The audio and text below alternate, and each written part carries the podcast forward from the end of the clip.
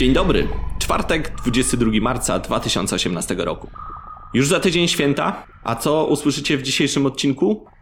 Na początek Mateusz opowie co nieco o newsach, o tym co się wydarzyło i co się wydarzy w świecie piwnym. Następnie wywiad z Grzegorzem Korczem. Porozmawiamy nieco o drogich alkoholach, o Mikelerze i One More Beer Festival oraz paru innych ciekawych tematach. Na końcu w laboratorium, czyli części poświęconej piwowarstwu domowemu, Janek i Olek opowiedzą o niestandardowych dodatkach do piwa. Poprzedni odcinek o dodatkach spotkał się z bardzo miłym przyjęciem. Mam nadzieję, że ten Wam również się spodoba. Ja nazywam się Przemek Iwanek i zapraszam Was do wysłuchania piątego odcinka Alchemii, podcastu o piwie. Cześć Mateuszu. Cześć, witajcie. Mateuszu, nie wyspałeś się po walnym.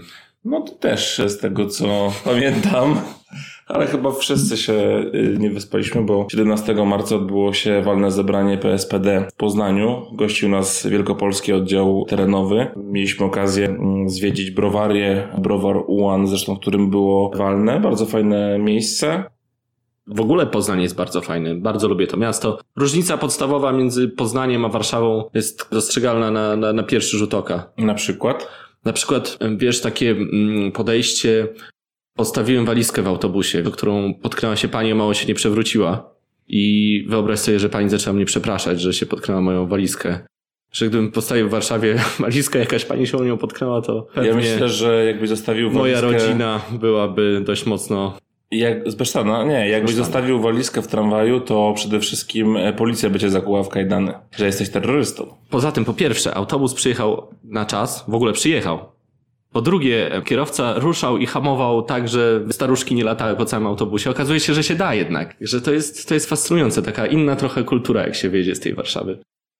Wróćmy do walnego. Poznaliśmy nowy zarząd PSPD na kadencję 2018-2021. Prezesem został nasz serdeczny kolega z Olsztyna, Artur Kamiński. Pozdrawiamy Cię, Arturze. Wiemy, że słuchasz. Wiemy, że chciałbyś, żeby y, audycje były dłuższe, bo brakuje Ci zawsze 10 minut przy bieganiu. Nie Nie będzie tak. Nie potknij się i nie przewróć, Arturze. Wiceprezeską została Gosia Bujok, która była gościem drugiego odcinka Alchemii. Gosia z Bydgoszczy, która jest współwłaścicielką Kraftodajni. Bardzo Gosię pozdrawiamy, chyba też nas słucha. Pozdrawiamy. Do zarządu weszli także Janusz Szwach z Katowic, doświadczony piwovar domowy, 130 warek na koncie. Sebastian Barnowski z Wrocławia, który jest sekretarzem. No i z mazowieckiego oddziału terenowego skarbnikiem został Dawid Kulbicki, członkiem zarządu Michał Grabowski, no i tutaj moja skromna osoba, czyli Mateusz Puślecki, wiceprezesem. Bardzo dziękuję za głosy i Gratuluję wszystkim serdecznie, Tobie również, Mateuszu. Dziękuję bardzo, Przemku. Drugim ważnym tematem, o którym rozmawialiśmy na Walnym jest, to już oficjalnie mogę zaprosić Was wszystkich na pierwszy festiwal piwowarów domowych, który odbędzie się 16 czerwca w Warszawie. Bardzo ciekawa inicjatywa, bardzo mi się podoba. Jest to pierwsza taka inicjatywa w Polsce. Polega na tym, że 50 piwowarów domowych będzie wystawiało swoje piwa, serwowane w ilościach degustacyjnych. Będzie uruchomiona specjalna aplikacja, gdzie będziecie mogli głosować na najlepsze piwo. Piwowar, który wygra ten konkurs konsumencki, będzie miał możliwość uważania piwa komercyjnie, ale o tym więcej będziemy komunikowali na naszych social mediach już niebawem. Impreza będzie zamknięta, ale biletowana, także serdecznie zapraszamy. Czyli każdy może wziąć udział. Każdy będzie mógł wziąć udział, kto będzie pełnoletni. Bilety będą do zakupu przez internet. Wszystkie informacje szczegółowe na pewno będziemy umieszczali, także y, śledźcie profil PSPD. No myślę, że w Alchemii też wspomnimy, jak będziemy znali więcej szczegółów. Podczas y, festiwalu będzie też ogłoszenie konkursu piw domowych, który odbywał się dotychczas w Cieszynie, teraz będzie w Warszawie, pod roboczą i oficjalną nową nazwą Mistrzostwa Polski Piwowarów Domowych 2018. Poprzedni Grand Champion. Powstała nowa grupa na Facebooku, Historyczne Style Piwne. Zapoczątkował ją Maciek Branicki I Maciej Hus. i Maciej Chust, tak. Dołączył. Zrzesza piwowarów domowych i pasjonatów historycznych stylów piwnych. I co ciekawe, ta grupa ma na celu stworzenie nie tylko listy stylów starych, historycznych, ale również uważanie ich i zaprezentowanie na imprezie w maju. Będziemy jeszcze o tym informować.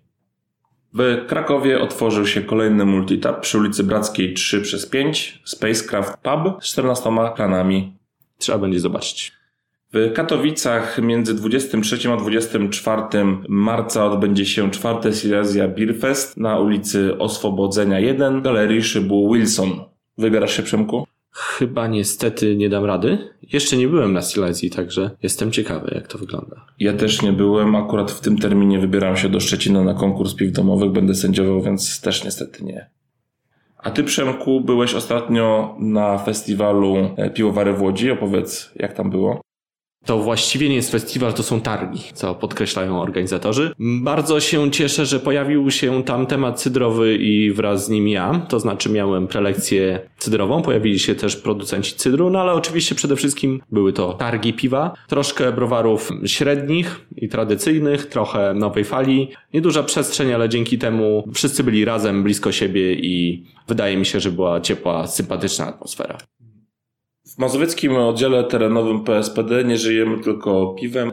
Ostatnio mieliśmy szkolenie pod tytułem ABC Wina, gdzie nasze, możemy już teraz chyba tak powiedzieć, koleżanki z Stowarzyszenia Kobiety i Wino edukowały nas i wyjaśniały, na czym polega degustacja wina. Jak tobie się, Przemku, podobało, bo byliśmy razem. Bardzo fajne spotkanie, mimo że coś tam też staram się już wiedzieć o tym winie, to dowiedziałem się sporo rzeczy. Świetnie, bo dziewczyny były naprawdę doskonale przygotowane, one są ekspertkami w tym i można było się dowiedzieć bardzo wielu rzeczy o winie. Nie jest to zresztą też jedyne takie spotkanie w ramach MOTU, czyli Mazowieckiego Oddziału PSPD. Ja przypominam sobie spotkania z miodosytnikami. E, tak, w styczniu mieliśmy spotkanie z Pawłem Sawickim z Dzikiej Pszczoły. Dzika Pszczoła to jest marka, pod którą Paweł wypuszcza swoje miody. Bardzo, bardzo dobre. Mieliśmy okazję degustować i te rzemieślnicze, i te domowe.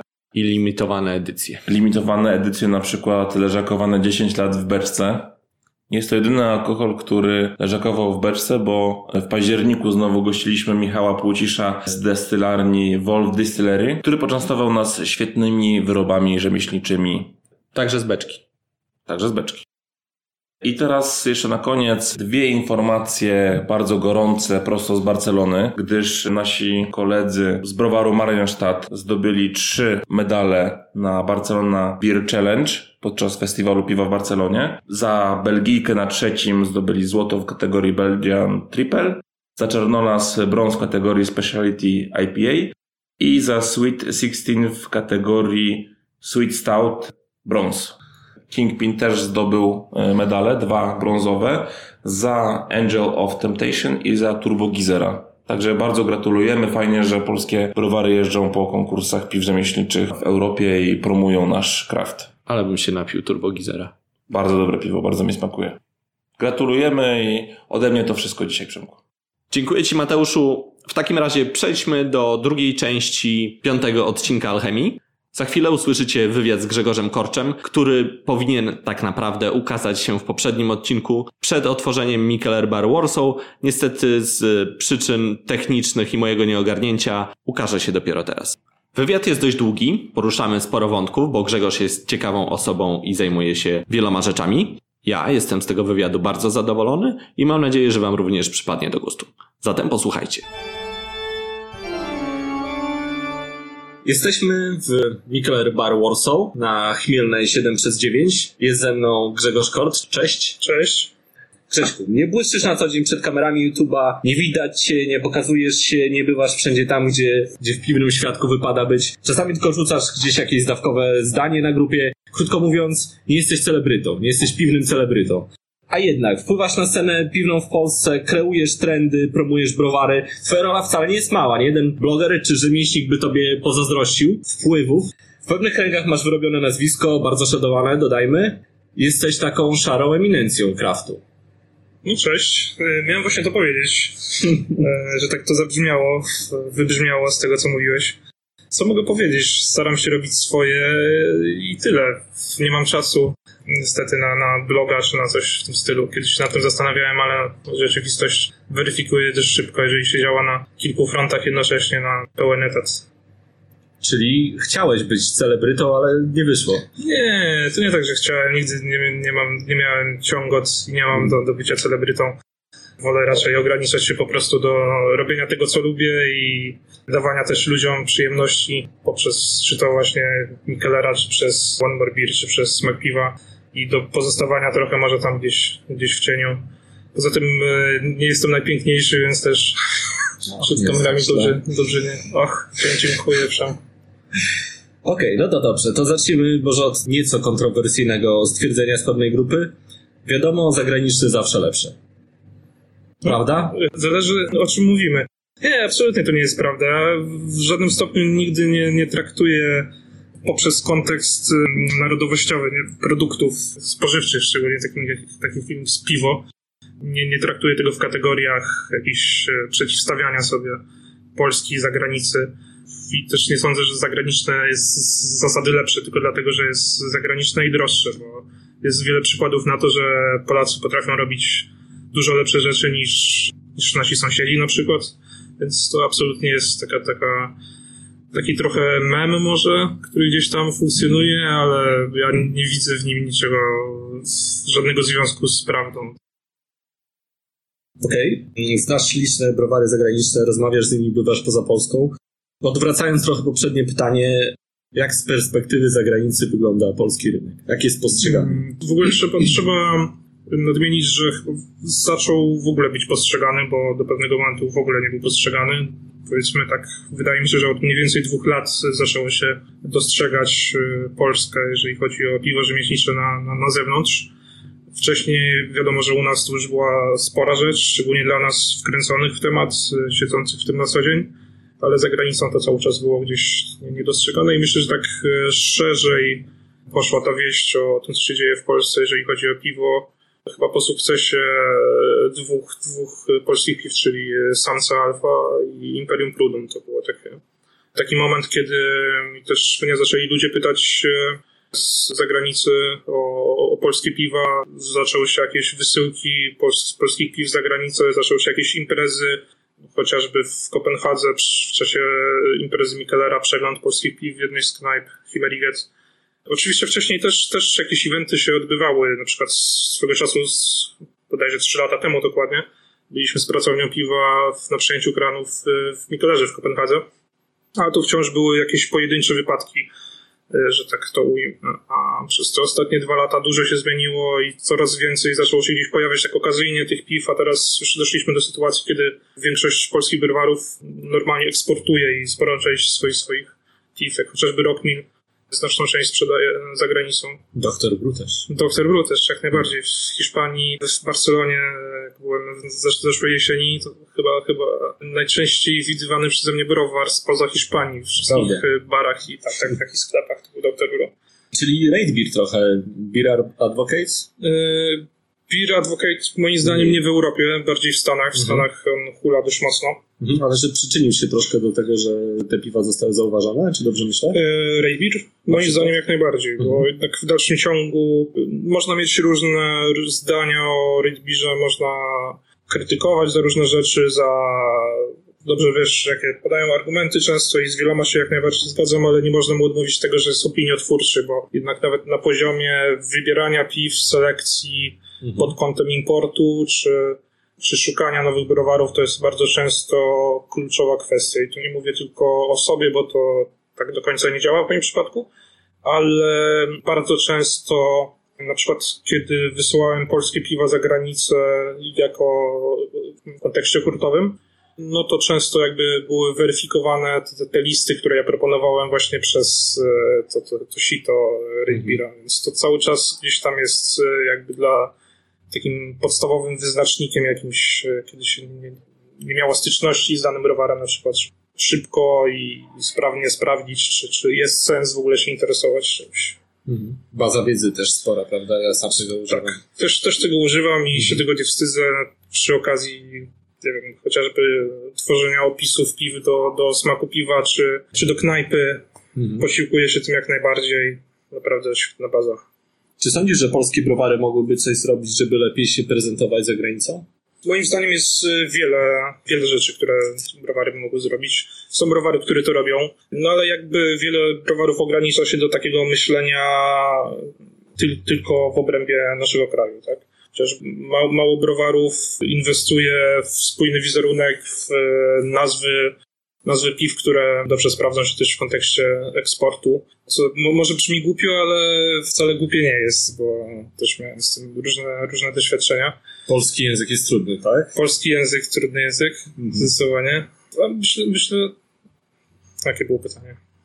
Czy coś browary by mogły jeszcze zrobić, żeby lepiej się zaprezentować? Przede wszystkim praca, praca nad jakością cały czas. Myślę, że bardzo ważną kwestią jest, e, która nie zawsze, czasem jej waga jest, czasem jej istotność jest podważana. Jest e, próbowanie piw z całego świata, tak? Dla mnie to jest bardzo, bardzo ważna sprawa w kontekście ważenia piwa. Chociaż tam tego nie robię. Znajomość. Tak. Znajomość, tak. Mhm. Znajomość e, przykładów na światowym poziomie. E, spoza Polski próbowanie i taka ciągota do, do próbowania nowego i nie, nie obrażania się na coś tylko dlatego, że e, zostało wyprodukowane gdzie indziej niż w Polsce, czy dlatego, że jest e, droższy, czy dlatego, że inni ludzie je chwalą, a nie chwalą mojego na przykład. Mhm. One More Beer? One More Beer Festival właściwie. Tak. Zadebiutował w zeszłym roku. Zgadza się. Zorganizowałeś go wspólnie z, z Tomkiem Rogaczewskim z Pracowni Piwa. Ja niestety nie byłem, czego żałuję. Byś miał wytłumaczyć właśnie takiej osobie jak ja, która nie była, czym się różni od innego festiwalu One More Beer? Różni się przede wszystkim tym, że został zainspirowany troszkę innym formatem festiwali niż e, polski rynek do tego przyzwyczaił. Gdyż na pomysł wpadliśmy podczas e, wycieczki do, do Norwegii z Tomkiem podczas festiwalu Hamburgeritz. Pomyśleliśmy, że warto odejść od tej konwencji targów, gdzie wszyscy chodzą y, po, po terenie festiwalu i muszą płacić na stoiskach. Każdy browar musi sam zajmować się rozliczeniem. Postanowiliśmy, że to uprościmy na wzór moim zdaniem najlepszych festiwali na świecie, tych, które się odbywają czy to w Kopenhadze, czy, czy w Stanach Zjednoczonych. Uprościmy formę do festiwalu, na którym płacisz e, za bilet raz i możesz dostać szkło degustacyjne i degustujesz cokolwiek chcesz. Jednocześnie przesunęliśmy troszkę proporcje, z, e, pokazać ludziom jak najszerszy zakres tego, co się na świecie w tym momencie w Europie i poza nią e, waży. Zaprosiliśmy 10 polskich browarów, 20 zagranicznych, spośród których z większości pojawili się też przedstawiciele, którzy stanęli za kranami i rozmawiali, mogli porozmawiać e, z odbiorcami o ich piwach, co jednak nie jest, e, nieczęsto ma się okazję porozmawiać z ludźmi ze Szwecji, z Danii, z Włoch czy z Belgii o, o, tym, co, o tym, co robią, zwłaszcza w Polsce. Bo większość browarów była z zagranicy, prawda? Tak, 20 zagranicznych e, browarów nas odwiedziło z różnych zakątków Europy, E, ze Stanów Zjednoczonych. Festiwal e, zdecydowaliśmy się podzielić na trzy części, trzy sesje, każda trwająca po 4,5 godziny i właśnie w obrębie tych 4,5 godzin masz możliwość spróbowania 60 e, różnych piw, a w tym roku ponad 60 różnych na każdej sesji. I zwykle nie są to rzeczy normalnie spotykane, których możesz się napić w pubie, które możesz kupić w sklepie. To są piwa specjalnie wyselekcjonowane przez browary na ten festiwal, często specjalnie uważone. Piwa, które mają swoje premiery na festiwalu, piwa, które swoją wyjątkowością, czy to wysokim ekstraktem, czy to leżakowaniem w beczkach, czy to wydziwionymi dodatkami często sprawiają, że nie jest to coś, co pije się codziennie i na co też można by było sobie pozwolić w trakcie w trakcie powiedzmy jednego posiedzenia na przykład, tak? Mhm. Czy to ze względu na wysoką zawartość alkoholu, czy na fakt, że tak jak często powtarzam, gdybyś chciał kupić sześć piw, które lały się na stoisku Hopping Frog na festiwalu, wydałbyś więcej niż wydałeś na, na cały karnet, na, na One More Beer, więc mhm. e, tak sobie to wymyśliliśmy. Czy na tegoroczny One More Beer, który będzie 21-22 września, już masz wszystkich gości, czy jeszcze zbierasz? Albo już wiesz, czego jesteś zadowolony bardzo? Z wielu rzeczy jestem zadowolony. Mhm. To mogę od, od, razu powiedzieć.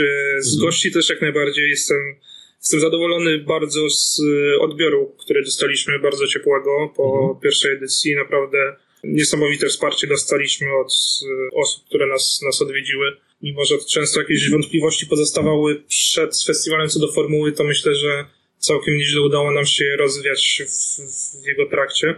W tym roku postanowiliśmy troszeczkę ostrzej, że tak powiem, pójść z tematem, z racji, że i nasi goście naprawdę zrobili nam niesamowitą reklamę i mówię tutaj o gościach samych festiwalu i o browarach, które się pojawiły. Udało nam się dotrzeć troszkę szerzej do również browarów ze Stanów Zjednoczonych, więc kilka takich naprawdę czołowych amerykańskich browarów. No rzuć jakiś, chociaż jeden. No rzucę, rzucę. E, chociażby Bottle Logic, e, The Answer po raz pierwszy w Europie. Superstition Meadery, czyli moim zdaniem najlepsze miody pitne na świecie. No może jedne z najlepszych, ale ścisła czołówka. Kilka świetnych powrotów z Europy browarów, które naprawdę bardzo ciężko jest e, gdziekolwiek ściągnąć, bo są niesamowicie popularne i zajęte przez cały rok, jak chociażby Omnipojo. Dodatkowo odświeżamy też troszkę polską część ekipy i zapraszamy dwa, dwa kolejne browary, czyli browar zakładowy i Rockmila. Na One More Beer nalewa się po 50 ml, prawda? Zgadza się. Często się przelewa, ale walczymy tym. Okej. No ale powiedzmy coś koło tego. Na panelach degustacyjnych zazwyczaj też to jest jakieś powiedzmy 50, 100, Tak. 150 ml na osobę jednego piwa. Niektórzy, dodajmy to podli szydercy, nazywają to naparstkiem. I twierdzą, że nie da się tak spróbować piwa. Co ty sądzisz? Ja myślę, że w dużej mierze jest to też może być kwestią doświadczenia, dojście do faktu, że 50 ml jest wystarczającą objętością. Oczywiście trzeba to, trzeba to również zweryfikować przez pryzmat samego stylu piwa, mocy czy intensywności smaku, bo Mówienie w kontekście One More Beer Festival na przykład, że 50 ml to za mało, moim zdaniem mija się z prawdą, gdyż w większości na festiwalu serwujemy czy to kwaśne piwa, bardzo intensywne, czy imperialne stauty, czy bardzo mocno chmielone ipy. Taka ciekawostka na, na One More Beer właśnie bardzo często obserwowałem to, że ludzie nawet nie dopijali 50 ml próbek. Bo to jest 50 razy...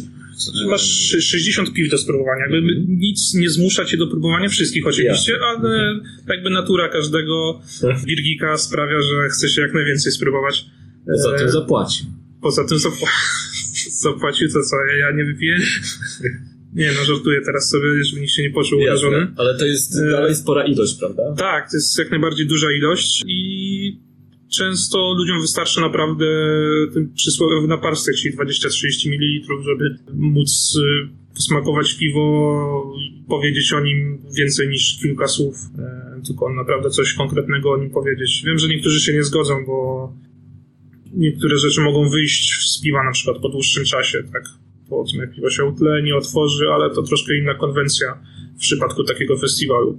Jakby na One More Beer nie do końca pije się piwo, a bardziej degustuje, tak? Czyli No i można... właśnie tu chyba dochodzimy do, do sedna sprawy, prawda? Że Tak, że można, mo, można takie e, rozróżnienie postawić. Jakby jedno z drugim się absolutnie nie, nie wyklucza, bo można pić piwo i jednocześnie degustować i, i na odwrót, ale jakby picie czy na panelach degustacyjnych, czy na One More Beer Festival e, raczej możemy śmiało nazwać degustacją.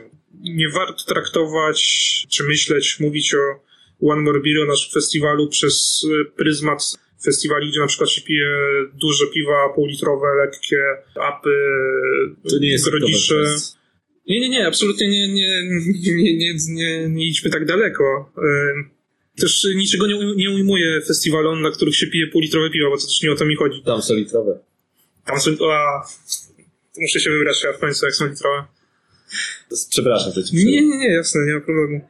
Tak. Więc y, to jest po prostu inna konwencja, ale to jest y, naszemu, naszemu festiwalowi One More Beer pod względem formuły w pewnym sensie bliżej do targów whisky, czyli czysto de- degustacyjna, tak, impreza, gdzie idziesz próbować y, jak, jak największej ilości nowych smaków, poznawać, poznawać nowe aromaty, poznawać nowe piwa po prostu i sprawdzać za stosunkowo nieduże pieniądze, co się dzieje na całym piwnym świecie tak naprawdę. Powiedziałeś o tych ilościach, żeby sprawdzić, ile kto uważa. Ja przyznam, że też zrobiłem takim trochę pół żartem, pół serio na swoim blogu, czyli Piwo i Cydr eksperyment i przetestowałem się i wyszło mi, że żeby już tak w 100% być pewnym, co siedzi w tym piwie, to około wyszło mi 50-60 ml. To jest ilość, która mi spokojnie wystarcza. Ja naprawdę nie potrzebuję więcej, żeby się dowiedzieć czegoś o piwie. Zresztą to są ilości, które nawet na profesjonalnych konkursach profesjonalni sędziowie piją i na ich podstawie oceniają piwa, więc Dokładnie, wiesz, to jest, ja myślę, że, że Mhm. dość mocno pokazuje, że się da, tak? Że to nie jest tak, że się nie da. Wiadomo, że każdy człowiek ma bardziej lub mniej wyczulone zmysły. Ja mogę powiedzieć, że mi wystarczy 20 ml, a ktoś, kto na przykład ma większy problem z węchem, na przykład nie wyczuwa niektórych rzeczy, może potrzebować 100 ml, żeby coś poczuć chwilę. Mhm. Nie, żebym był wybitym sensorykiem, bo zupełnie nim nie jestem. Właśnie teraz Znaczy, tej na, na drugiej stronie na zupełnie się. I, I wiesz, tego ile spróbowałeś, na czym się skupiasz, to Tak. prawda, także natomiast y, ja też przyznam, że sprawdziłem, pisząc o tym na blogu, że jak to wygląda w winie na przykład. I tam się okazuje, że próbki degustacyjne też są najczęściej 45-80 ml.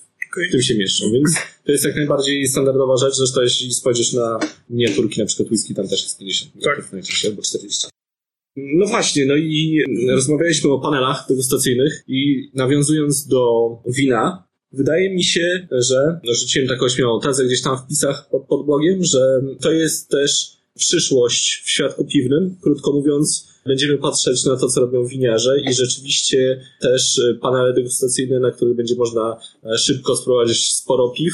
Tak jak robią to winiarze, że próbują na przykład kilkudziesięciu e, win z na przykład jednego szczepu, z jednej winnicy, z jednego regionu, po to, żeby go poznać. Czy myślisz, że mam rację, że tak będzie w piwie? Jak najbardziej. Myślę, że w podobnym kierunku, podobne, podobne cz- czerpiemy inspirację na pewno od świata winnego i panele degustacyjne są jednym z przykładów na, na takie działanie. Dajemy szansę spróbowania ludziom w jednym miejscu, w jednym czasie, bez jakiegoś głębszego zaangażowania logistycznego, przy mniejszym zaangażowaniu finansowym niż to by było w przypadku organizowania samemu danych, y, czy to win, czy piw. Dajemy możliwość spróbowania szerokiego przekroju najlepszych na świecie w swoich kategoriach y, produktów. Y, Dokładnie to samo, tylko na większą skalę y, robimy na One More Beer. Zresztą można, można tak powiedzieć w zasadzie, jeszcze wracając do tego, o czym wcześniej rozmawialiśmy, że y, One More Beer jest panelem degustacyjnym dla, dla setek osób zgromadzonych w jednym miejscu. Że wychodzimy nad, z panelem degustacyjnym na trochę inną skalę. Tak to działa. No właśnie, wiem, że jesteś fanem nie tylko piwa, to co powiedziałeś, y, wiem, że lubisz też dobry cydr, y, powiedziałeś o miodach, o bourbonie, whisky, pewnie też inne alkohole próbujesz, się domyślam, nie wiem, Bardzo, bardzo lubię wódki polskie. czyli ziemniak na pewno. Mm, Między innymi. Czy sądzisz, że warto przyglądać się, jak wyglądają tam te rynki, czy te trendy, trochę już o tym powiedziałeś, ale zgodzisz się, że trendy stamtąd będą przenikać do piwa? Tak, jak najbardziej. Mam szczerą nadzieję, że będą przenikać, bo jednak piwo pozostaje taką kategorią często mocno pominiętą, jeżeli chodzi na przykład o gastronomię. E, Idziesz do restauracji gwiazdkowej, na przykład jednej albo drugiej warszawskiej i e, dostajesz e, świetne polskie rzemieślnicze wódki, nalewki, dostajesz wysokiej jakości wina, potem dostajesz e, pszeniczniaka Zambera w menu degustacyjnym Oby. i to jest, e, to akurat widziałem na własne oczy, więc no, to jest przykre, że właśnie w gastronomii często masz e, długą listę e, win, długą listę innych alkoholi, a piwo jest gdzieś tam na końcu za wodą niegazowaną. E, woda gazowa- niegazowana jest z wyższej półki niż, niż piwo w swojej kategorii zazwyczaj. Dlatego mam nadzieję, że jednak będziemy jako środowisko, jako branża szczerpali te wzorce, czy to od e, ludzi, którzy produkują wina, czy od e, ludzi, którzy siedzą w whisky. To jest dobra droga, moim zdaniem. No właśnie, mam wrażenie, że chyba mi zaglądasz pytania, bo co, co chwilę mnie uprzedzasz z pytaniem, bo widzisz, y, ja też troszkę się interesuję i winem, i innymi alkoholami, kawą też na przykład. Ale jest coś takiego, że jak rozmawiam na przykład z y, fanami wina, zwłaszcza wina, whisky trochę mniej, ale z winem jest to najczęściej. Jak wspomnę o piwie, widzę takie, wiesz, szybkie spojrzenie, lekko spanikowane. Ja już wiem, co ta osoba sobie myśli, bo dla tej osoby ktoś, kto interesuje się piwem, to jest taki, wiesz, y, typ z brzuchem na Mhm. wiesz, w koszulce z napisem piwo to moje paliwo. Wiesz o czym mówię, wiesz o czym mówię, a, a, a doskonale się rozumiemy, bo to co ty robisz, te piwa, którymi się interesujesz, to, to ten świat jest zupełnie na, totalnie na przeciwnej skali, na czymś, polega na czymś zupełnie innym, to są te, nie wiem, 50-letnie lambiki w karawce. No, to już skrajne No, przypadki. Przesadzam, oczywiście trochę, Ale wiesz jak, jak, jakby tutaj, tutaj my się pojawiamy właśnie i nasza rola, tak? Czyli my No, powinniśmy no tak, uświadamiać. zapytać. e, Jak można zdjąć ten stereotyp tego piwosza w żonobijce? Jak od tego dojść i pokazać, że rzeczywiście piwo jest szlachetnym alkoholem?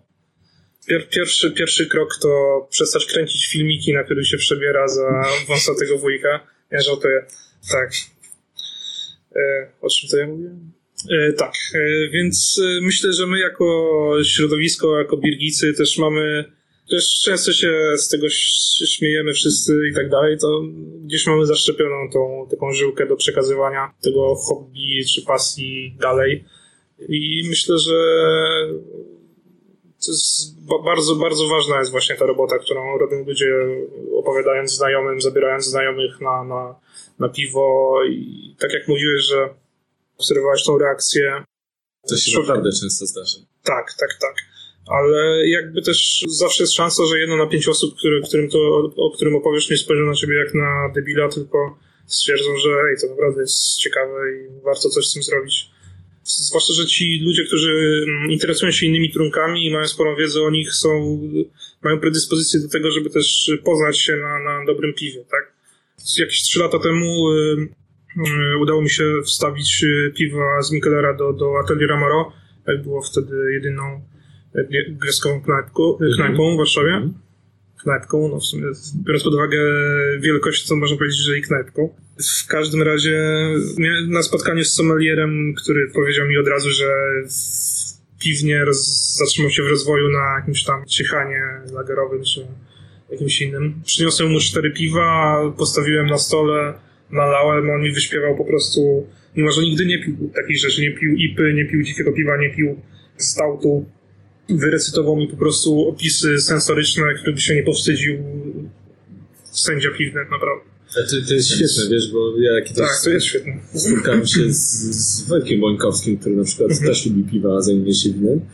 I powiem ci, że myśmy sobie zrobili takie e, na- naprzemienny panel, to znaczy ja piłem wino, on pił piwa i słuchaj, nasze opisy po pierwsze posługiwaliśmy się bardzo podobnymi sformułowaniami, po drugie to było bardzo trafne, zarówno z mojej strony, Okej. jak i z jego, także mocno zaskakujące. Właśnie może wbrew temu, co, co, co często ludzie uważają, te światy naprawdę mają bardzo dużo wspólnego. Mówię sobie teraz o świecie wina, o świecie piwa, o świecie cydru, bo szczególnie te trzy się w piękną całość łączą i w winie zupełnie się nie znam na winie. Dopiero zaczynam poznawać tak naprawdę jakieś rzeczy, próbować na degustacjach, czy chodzić do miejsc, gdzie jest spory wybór i gdzie pracują ludzie, którzy są w stanie przekazać fajną wiedzę.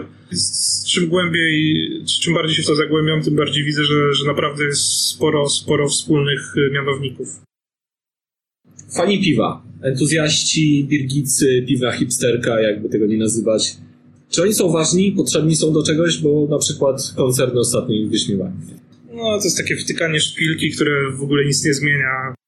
Okej, ale pomijając to szpilkę, czy entuzjaści są ważni? Tak, jak najbardziej. Entuzjaści to, to, tak jak chyba w każdej branży, w pewnym sensie motor napędowy, bo to oni są tymi, którzy zostawiają bardzo dużo pieniędzy na, na to hobby, którzy pozwalają się rozwijać, czy to knajpą, czy browarą.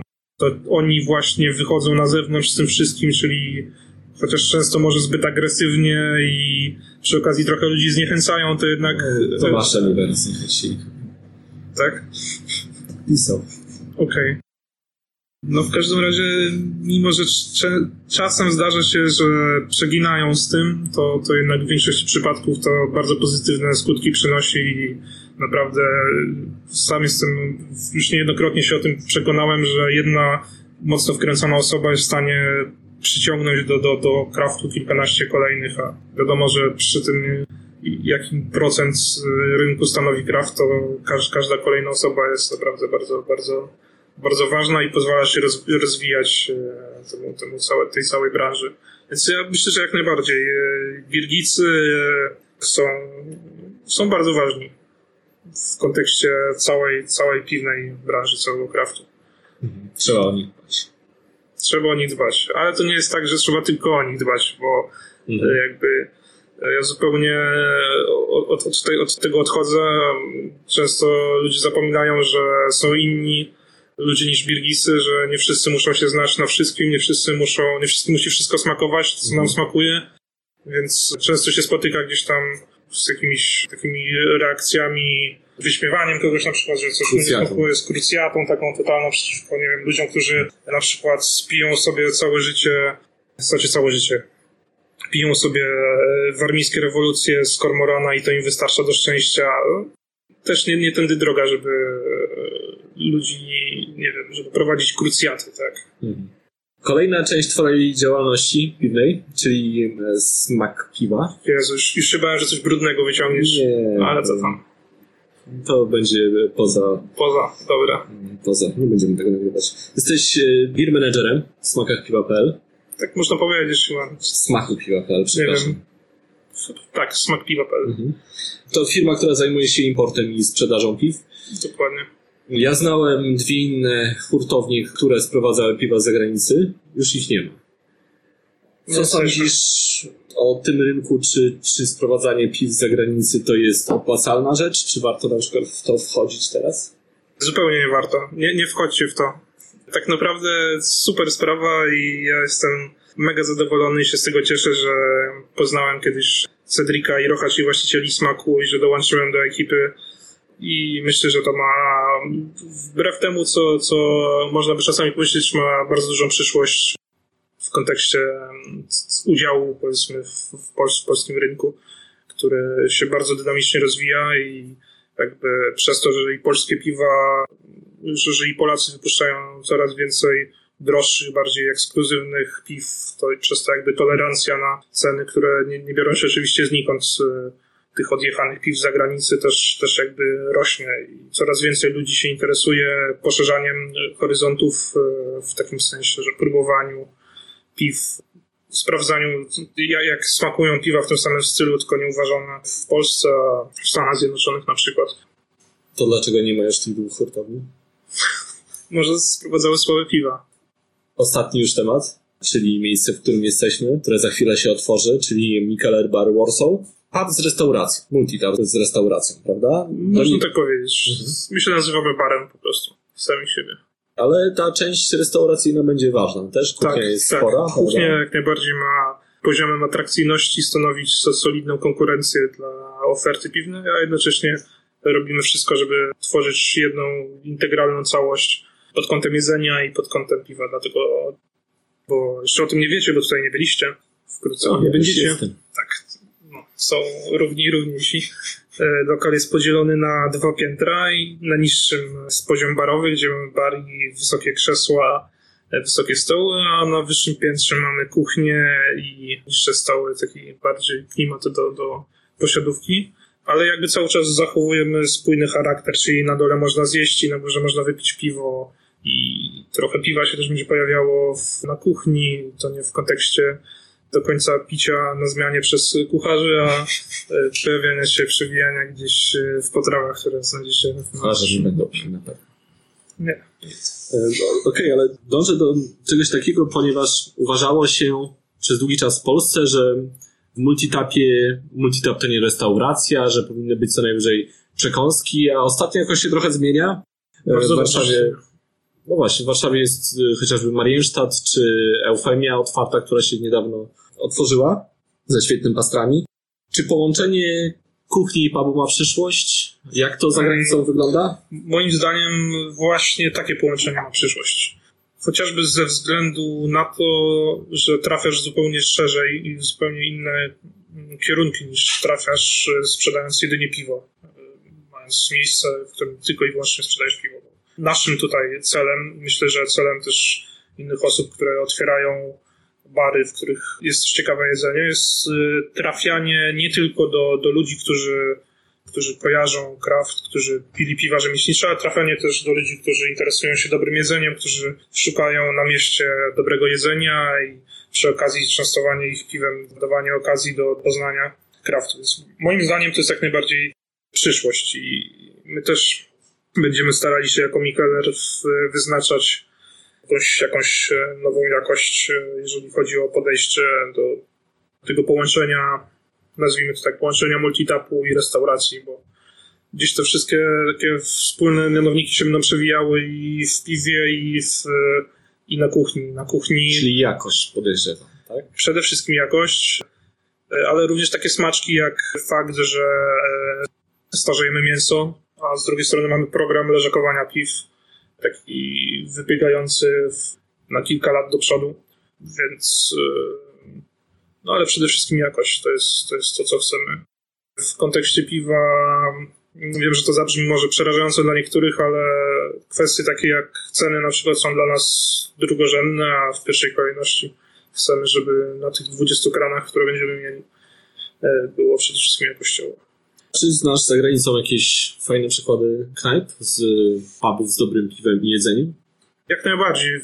Oczywiście wiadomo, że najbardziej jak wszystko, co z piwem związane, rozwinięte jest to w Stanach, gdzie często nawet tak e, przeglądasz sobie menu e, restauracji z dwoma gwiazdkami, na przykład z trzema, to masz oddzielną e, sekcję w menu, gdzie masz na przykład świeże puszki z browaru, który jest wiesz, pół kilometra od restauracji. W Europie też jest sporo przykładów. No i świetną robotę robi w, w, w tym kontekście i nie mówię tego dlatego, że otwieram z nimi bar w Warszawie właśnie, ale robi Mikeler w Kopenhadze, bo oni jednak to... Warpix, tak? Chociażby Warpix, czyli e, taka restauracja, coś bardziej e, stołówka, można wręcz powiedzieć, barbecue w takim teksańskim stylu połączona z browarem, czy ich śniadaniownia w Kopenhadze, czy knajpa z meksykańskim jedzeniem, czy ramen, ramen bary z piwem rzemieślniczym, czy, Robiłem się głodny. Tak. teraz. czy y, knajpa z gwiazdką Michelin, którą też mają w Olembrot, taka typowo fine diningowa, którą mają w Kopenhadze, więc też bardzo dużo ciekawego robią z piwem. No i jakby to, to też wspomniałem o tym fine diningu, nie myślcie sobie, że my w takie klimaty będziemy szli tutaj w Warszawie, bo my zupełnie inny kierunek obraliśmy, więc y, my w kontekście jedzenia będziemy bardzo bezpośredni i myślę, że tak samo jak właśnie w kwestii piwa będziemy bardzo bezpośredni, czasem do bólu wręcz. Mhm. E, Ale czy to będą tylko degustacyjne porcyjki, czy będzie nie, absolutnie, najeść? absolutnie. E, Właśnie mówię, że zupełnie odchodzimy od fine diningu. Mhm. Tym, Po polsku, golonka.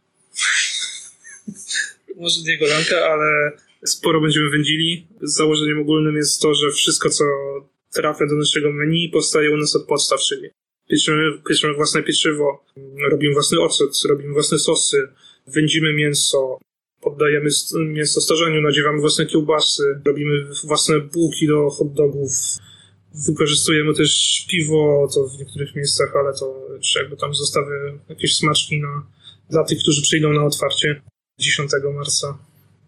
Także będzie można się porządnie naprawdę u nas najeść i, w, i będziemy mieli kanapki e, z pastrami, będziemy mieli hot dogi z własnymi Jestem kiełbasami. głodny, tak. Tak, jest- jeszcze coś opowiem. Będziemy mieli żeberka wołowe, będziemy, żebra, przepraszam, wołowe. Będziemy mieli naprawdę sporo świetnych rzeczy. Dobrze. Jeszcze jedno pytanie. Masz doświadczenie w gastronomii. Wiesz, że nie zawsze wszystkie pomysły na lokale się sprawdzają. O co twoim zdaniem należy koniecznie zadbać, otwierając lokal z piwem, a czego unikać? O pomysł przede wszystkim. Dla mnie to jest podstawa. Czyli jeżeli ktoś nie jest przekonany w 100% co chce zrobić, jakie miejsce chce otworzyć, to jakby nic nie, nie jest w stanie zagwarantować sukcesu. To podstawą do tego, żeby myśleć o, mieć nadzieję na to, że miejsce odniesie sukces. Chociaż mówię to jeszcze przed otwarciem Mikelera i nie wiem, czy w ogóle ktoś na nie przyjdzie i tak dalej. Na pewno nikt nie przyjdzie. Dziękuję. Myślę, że jednak podstawą jest pomysł i spójna koncepcja na całe miejsce, przemyślana, tak jak my to staramy się robić, czyli przemyślana od wystroju i od logo lokalu, kończąc na takich detalach, jak jaka muzyka leci w trakcie lunchu, jak, w, w jaki sposób podajemy lambiki na przykład, bo to też będzie dość no, nowatorskie. E, oczywiście w, na, na naszym Bardziej dziwnym- nowatorski niż szkło na WFP. tak się nie da, niestety. No. Aż taki kreatywny nie jestem. Być nowatorskie w, na naszym polskim podwórku, tak, powiedzmy. Czy chociażby po, po jakieś naprawdę totalne detale, które staramy się przemyśleć do, do końca. No i myślę, że właśnie taka spójna koncepcja to jest mm, punkt numer jeden, a drugi, który go uzupełnia, to jest jakość, bo bez jakości nigdy nie będzie dobrego miejsca. A czegoś ewidentnie unikać? Myślenie, że jakoś to będzie. Myślenie, że jakoś to będzie i podchodzenie do tematu na zasadzie, że otworzymy, a potem się wymyśli, co dalej robić z tym miejscem, tak. To już ostatnie pytanie. Sprowadzasz do Polski świetne piwa, organizujesz festiwal, za chwilę otwierasz własny piękny lokal. Co jeszcze chciałbyś zrobić? O czym marzy Grzegorz Kowcz? Przede wszystkim zrobiłbym siku, ale to jeszcze się wstrzymam z tym parę minut. E, Właśnie o taką odpowiedź Okej, się, tego się domaga. dziękuję bardzo. O czym marzę? O tym, żeby One More Beer stało się jednym z festiwali rozpoznawanych w Europie, na które przyjeżdżają ludzie nie tylko z Polski, ale z całej Europy. O tym, żeby Mikeller był takim miejscem, jakie sobie wymarzyłem, w którym chciałem pracować, a że takiego nie znalazłem, to trzeba było je samemu otworzyć. Ulica Grzegorza Korcza? Nie. Już wystarczy, że dzisiaj się dowiedziałem, że pracownia piwa umieściła moje nazwisko w nazwie swojego piwa. Już mi wystarczy Tak, fejmu na najbliższe trzy lata. No, jest tam trochę takich marzeń piwnych różnych, ale niektóre są na takich wstępnych mocno etapach, że myślę, że tam jeszcze kiedyś o nich usłyszycie prędzej czy później. W jakichś tam innych projektach ciekawych.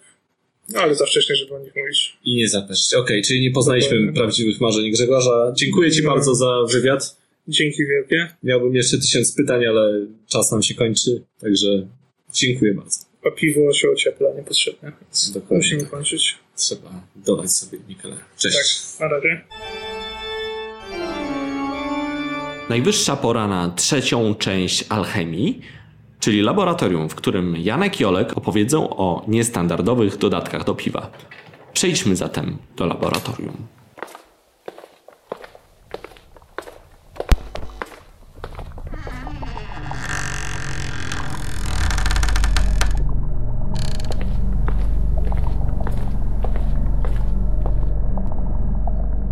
Siemano, witajcie w kolejnym odcinku naszego laboratorium. W ostatnim e, odcinku mówiliśmy trochę o owocach, czyli jako dodatku do piwa, a dzisiaj powiemy troszeczkę o pozostałych dodatkach, które sobie wylistowaliśmy na podstawie tego, co myśmy obaj dodawali do piwa. I możemy chyba zaczynać, prawda, Janku? Tak, cześć w ogóle. To ja zawsze może przytam cześć. Już wszyscy nas znają, więc nie musimy się przedstawiać chyba. Tak, ale Dobra, przywitać to- wypadałoby się, no nie? To to powiedziałem siemano. No, no dobra. No. Aha, dobra. To tak, tak, ja też tu jestem, powiedział? ja też tu jestem. Nie, nie, spoko, jedziemy. Dobra, więc pomyśleliśmy sobie, że zaczniemy od herbaty. W sumie nie wiemy dlaczego, ale wydaje mi się, że to będzie dobry pomysł. O, No okej. więc ja dodawałem herbatę, Janek też dodawał herbatę. I teraz Jakie zbieg się- okoliczności. Tak. Zastanówmy się może nad tym, do, jakiego, do jakich piw warto dodawać herbatę, bo wydaje mi się, że nie wiem, czy ty się ze mną zgodzisz, że herbata raczej pasuje do jasnych piw. Ra, raczej tak, chociaż mi się zdarzyło też do ciemnych dodać i o tym za chwilę powiem, ale, ale zdecydowanie do, do jasnych się nadaje przede wszystkim. Tak, ja dodawałem herbatę właśnie do jasnego piwa, bo do jednego dodawałem herbatę. To było na ten, na warszawski konkurs piw domowych, ważyłem TAP. Wtedy sobie podzieliłem warkę na dwie części i do jednej dodałem e, zieloną herbatę sencze, a do drugiej e, ulong milk, którą widzę, że ty też masz na swojej liście. I dodawałem je w ilości po 15 gramów na 5 litrów. Czy niedużo? I no, chyba nie. I byłem bardzo zadowolony z efektów. W sensie obie herbaty bardzo fajnie z chmielem, który był w tym piwie, współgrały, e, ale chyba bardziej mi smakowała jednak ta zielona herbata. Nie wiem, jakie ty masz. Ale ona No. poszła w taki, w taki owocowy klimat, czy, czy typowo oddała tak, jak, e, Wiesz tak co? jak pachniała sama w sobie? E, Ten, ta, ta zielona herbaty, z- zapach zielonej herbaty najbardziej mi się kojarzy z e, wodorostami. Takimi Mhm. nori. Albo troszeczkę taki jeszcze, to jest taki zielony, jak to powiedzieć, taki ryżowy lekko. E, Mhm. Z ryżem mi się kojarzący, z takim ryżem basmati. Zapach. Okej. I to właśnie taka była.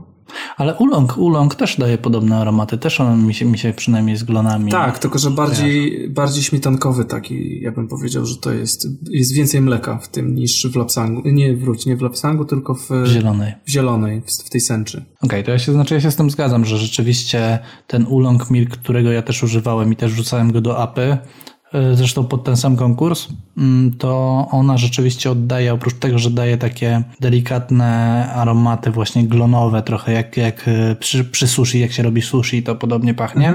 Mhm, E, a oprócz tego dodaje takiej mleczności, bardziej w smaku niż w zapachu. Ja tej, w zapachu tej mleczności nie czułem, natomiast w smaku jest, się robi takie trochę jak, e, jak przy dodatku laktozy, albo nawet troszeczkę bardziej intensywna ta mleczność jest. Gładkości nadaje ta herbata.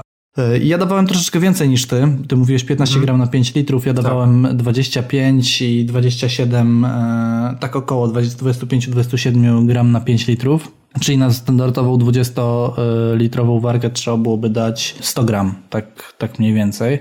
E, I też byłem zadowolony z efektów. A oprócz tego, że dodawałem ulonga, e, dodawałem też lapsang, czyli to jest wędzona herbata. Ona chyba jest wędzona drewnem sosnowym, z tego co pamiętam, albo z drewnem olchy, olchy tak mi się wydaje. Mm. No w każdym razie ta herbata, jeżeli ktoś jej nie pił, to ma na przykład bardzo... nigdy nie piłem. Nigdy nie piłeś lapsanga? Nie, Okej. nie. Ona pachnie jak wędzone piwa trochę, trochę mniej słodko, bardziej jakby, nie- nie- ten zapach nie jest słodki, ale bardzo specyficzna jest ta, e, ta wędzonka. Ona jest taka trochę wpadająca w torf. Natomiast w tą taką przyjemniejszą e, wersję, e, wersję mm, torfu. Czyli, kurczę, to ciężko jest opisać, tak? To nie są takie spalone kable na maksa, tak, nie, tylko nie taki... taka plastelina spalona, tylko takie bardziej, trochę ostrzejsze takie, nie? Tak, tak, W sensie, tak. bo, bo mi się takie te naj, najbardziej nieprzyjemne nuty torfowe jednak kojarzą z czymś takim, jakby mnie plastik taki stopiony oblepiał, coś, coś w tym stylu, nie? Takie, Mhm. No to nie, to, to lapsang w stronę nie idzie. No, no, no, no. Mhm. Mm. Więc chyba piłeś zresztą to, to piwo, które ja robiłem Tak. z lapsangiem. Tak, ale nie pamiętam już jak. Okej.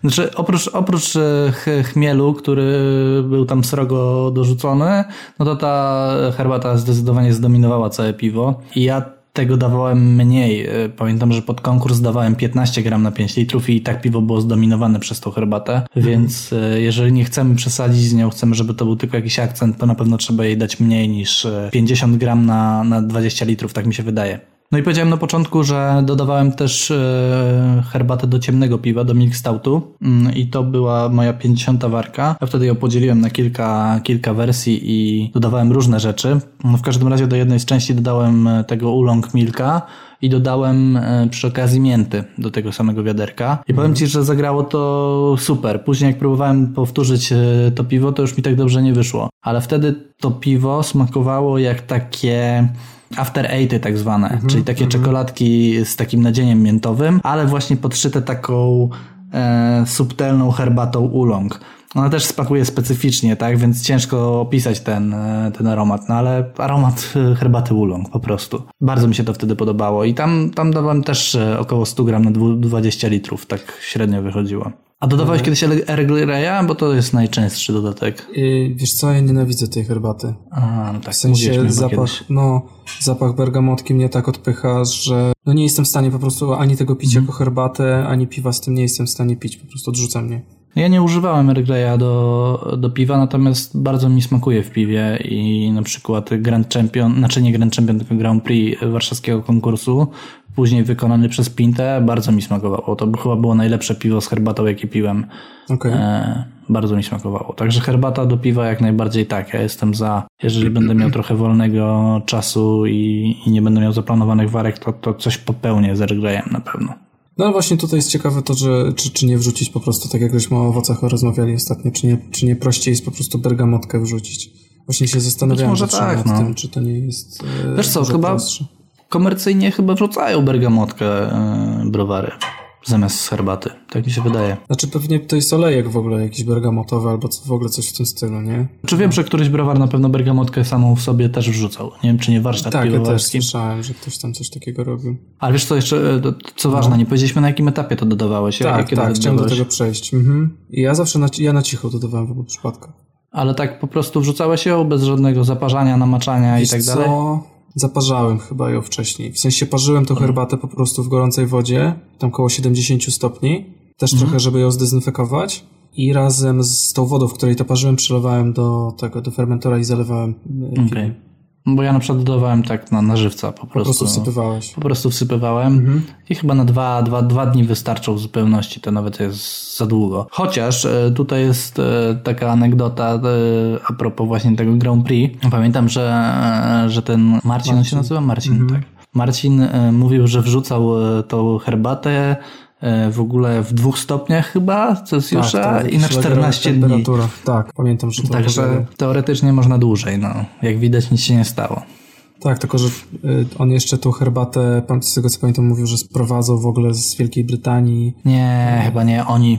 Nie, chyba nie. On nie sprowadzał tego. On kupił w jakimś sklepie herbacianym, była a Pinta ściągała ze Szwajcarii chyba tą, tą herbatę. A wydaje mi się, że on ją kupił w jakimś sklepie, tylko po prostu Pinta chciała użyć tej samej herbaty i nie było jej w takich ilościach w Polsce, dlatego ściągali ją w Szwajcarii.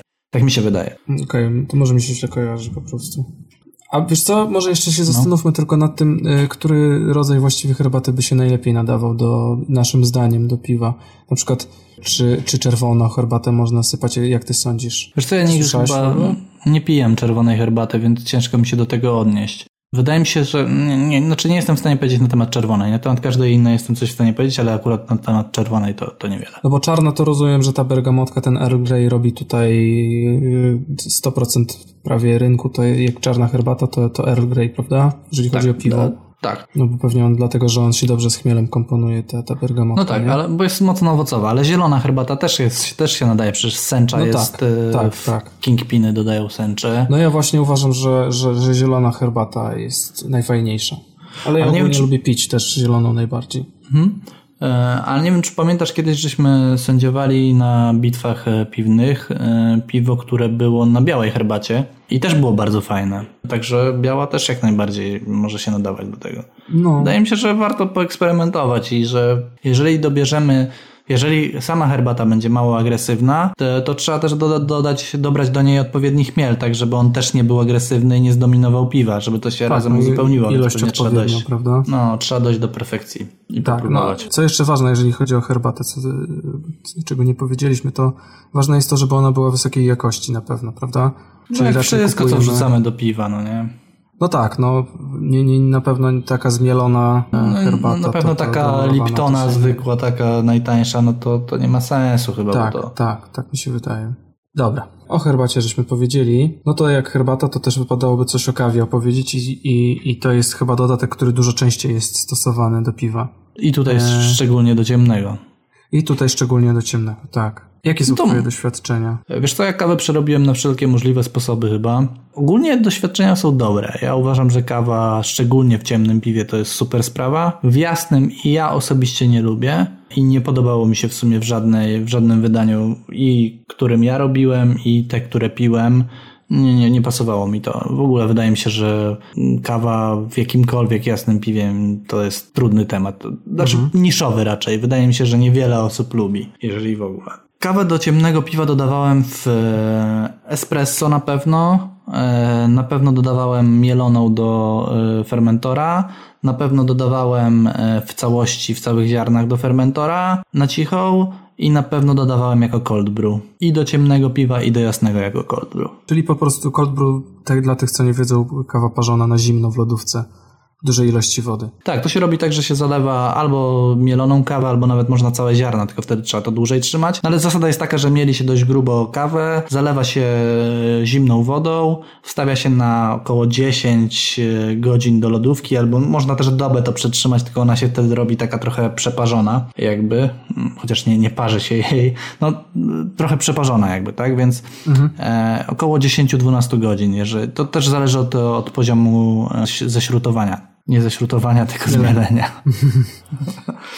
No, więc y, po prostu wstawia się do, ją do lodówki i później się zlewa z nad tej kawy y, do piwa. Albo się ją pije po prostu. No dobra, e, to zanim o doświadczeniach, w sensie o wrażeniach, to ja też powiem, w jaki sposób ja dodawałem. Mhm. No więc ja podobnie jak ty dodawałem espresso, tylko ja też nie do końca wiem, co ty tu masz na myśli pod y, tym słowem espresso, bo ja dodawałem kawę zaparzoną w kawiarce, takiej Mhm. kawiarce y, aluminiowej, w której woda, w której się wrzuca na sitko y, kawę i ona potem od spodu e, przepływa przez tą kawę ciśnieniowo i u góry wylatuje. Do takiego w takim zbiorniczku się zbiera. O takie kawa- w kawiarce mam, mówię.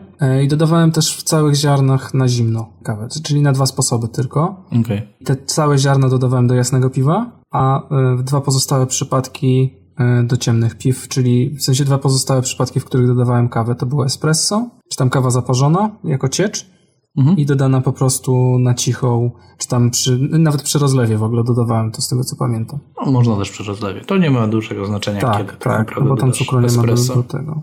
Dokładnie. No dobra. No i, E, no i co, byłeś zadowolony? To powiedz najpierw Wiesz co, wiesz co, ja najbardziej byłem zadowolony jednak z tych, z tego parzenia kawy. W sensie Mhm. z dodawania cieczy po prostu, z zaparzonej, z dodawania naparu przy rozlewie. No to ja, to ja powiem e, tak, ja byłem zadowolony w każdym przypadku, w którym dodawałem Mhm. kawę, natomiast najefektywniejszym sposobem u mnie okazało się dodawanie ziaren e, pełnych, całych takich, niezmielonych, Mhm. na cichą, po prostu na cichą na tydzień. Ona, ona wtedy oddała najwięcej aromatu, takie miałem wrażenie, albo miałem po prostu lepszą kawę akurat w tamtym momencie. Natomiast e, tutaj do, warto dodać, że ostatnio jak dodawaliśmy przecież kawę w postaci espresso do naszego Williego Tonki, e, czyli komercyjnego piwa, no to kurczę, świetnie zagrało. Moim zdaniem Tak, to piwo bardzo, tak, bardzo tak, fajnie tak, smakowało Zwłaszcza, kawą. że każda beczka, którą dodawaliśmy kawę, to była inna kawa. Tak, I, tak. i było czuć wtedy tę różnicę, prawda? Dokładnie. I tam po- poszło około 450 do. Tak, dobrze, 450 do 550 ml na beczkę espresso zaparzonego. Jedno espresso to jest około, e, około 45 ml. Więc To myśmy. był ekspres ciśnieniowy, taki... To był taki ekspres ciśnieniowy, tak. Ale taki Mhm. nie za drogi, taki. Nie, no tak, no ale inna metoda działania jest, nie?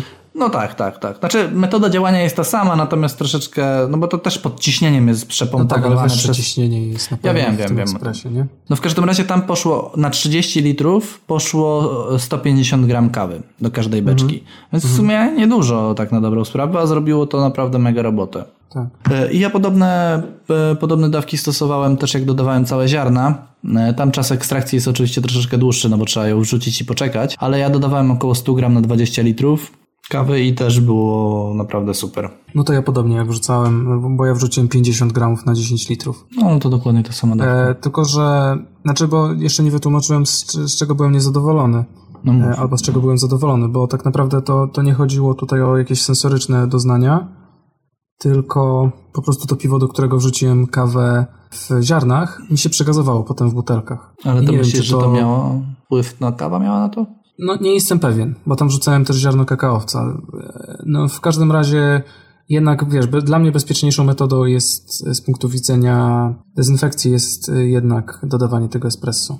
No na pewno jest bezpieczniejsza. Jeżeli daje dobre rezultaty, to nie ma się co tam szczypać z, Mhm. z ziarnem. Więc ja jestem za tym, żeby espresso też dodawać i uważam, że to jest dobra metoda, więc. E, A powiedz mi, a e, próbowałeś kiedyś dodawać taką, bo to jeszcze można o kawie opowiadać, wiesz, godzinami tak na dobrą Tak. sprawę, bo, bo ka- kaw jest tyle, że powiedzieć o piwie, że pachnie kawą, to, to, to powiedzieć tyle, co nic tak na dobrą sprawę. Natomiast powiedzmy, że to jest w ogóle trochę dziwne u, u piwowarów, że podchodzą do kawy z takim troszeczkę, z taką ignorancją, tak na dobrą sprawę. No bo jak powiesz jakiemuś e, dobremu bariście, że coś smakuje kawą, no to tak samo jakby ktoś nam powiedział, że coś smakuje albo pachnie piwem, no nie? Na tej samej zasadzie trochę, No, no, nie? jasne. Więc, więc to jest trochę dziwne, że się mówi, że piwo pachnie kawą.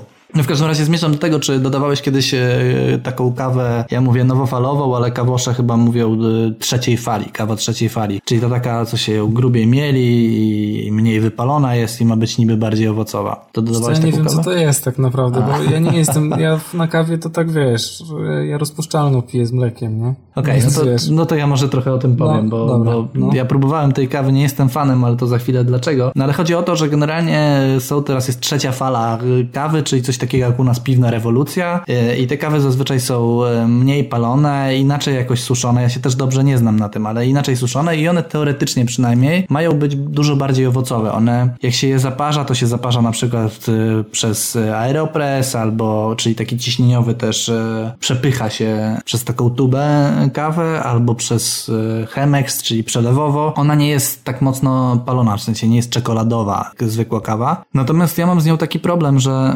próbowałem ją kilka razy już, różne, różne kawy i co jakieś dwa miesiące albo trzy miesiące w jakiejś kawiarni daję szansę kolejną yy, tej kawie i mi każda ta kawa po prostu wali koncentratem pomidorowym. Mhm. I nie jestem w stanie tego, tego nie, nie mieć tych skojarzeń, bo mhm, oczywiście mhm. niektóre mniej troszeczkę pachną tym koncentratem, natomiast ja wciąż czuję jako pierwszy ten koncentrat i mi ta kawa pachnie DMS-em. Więc okay.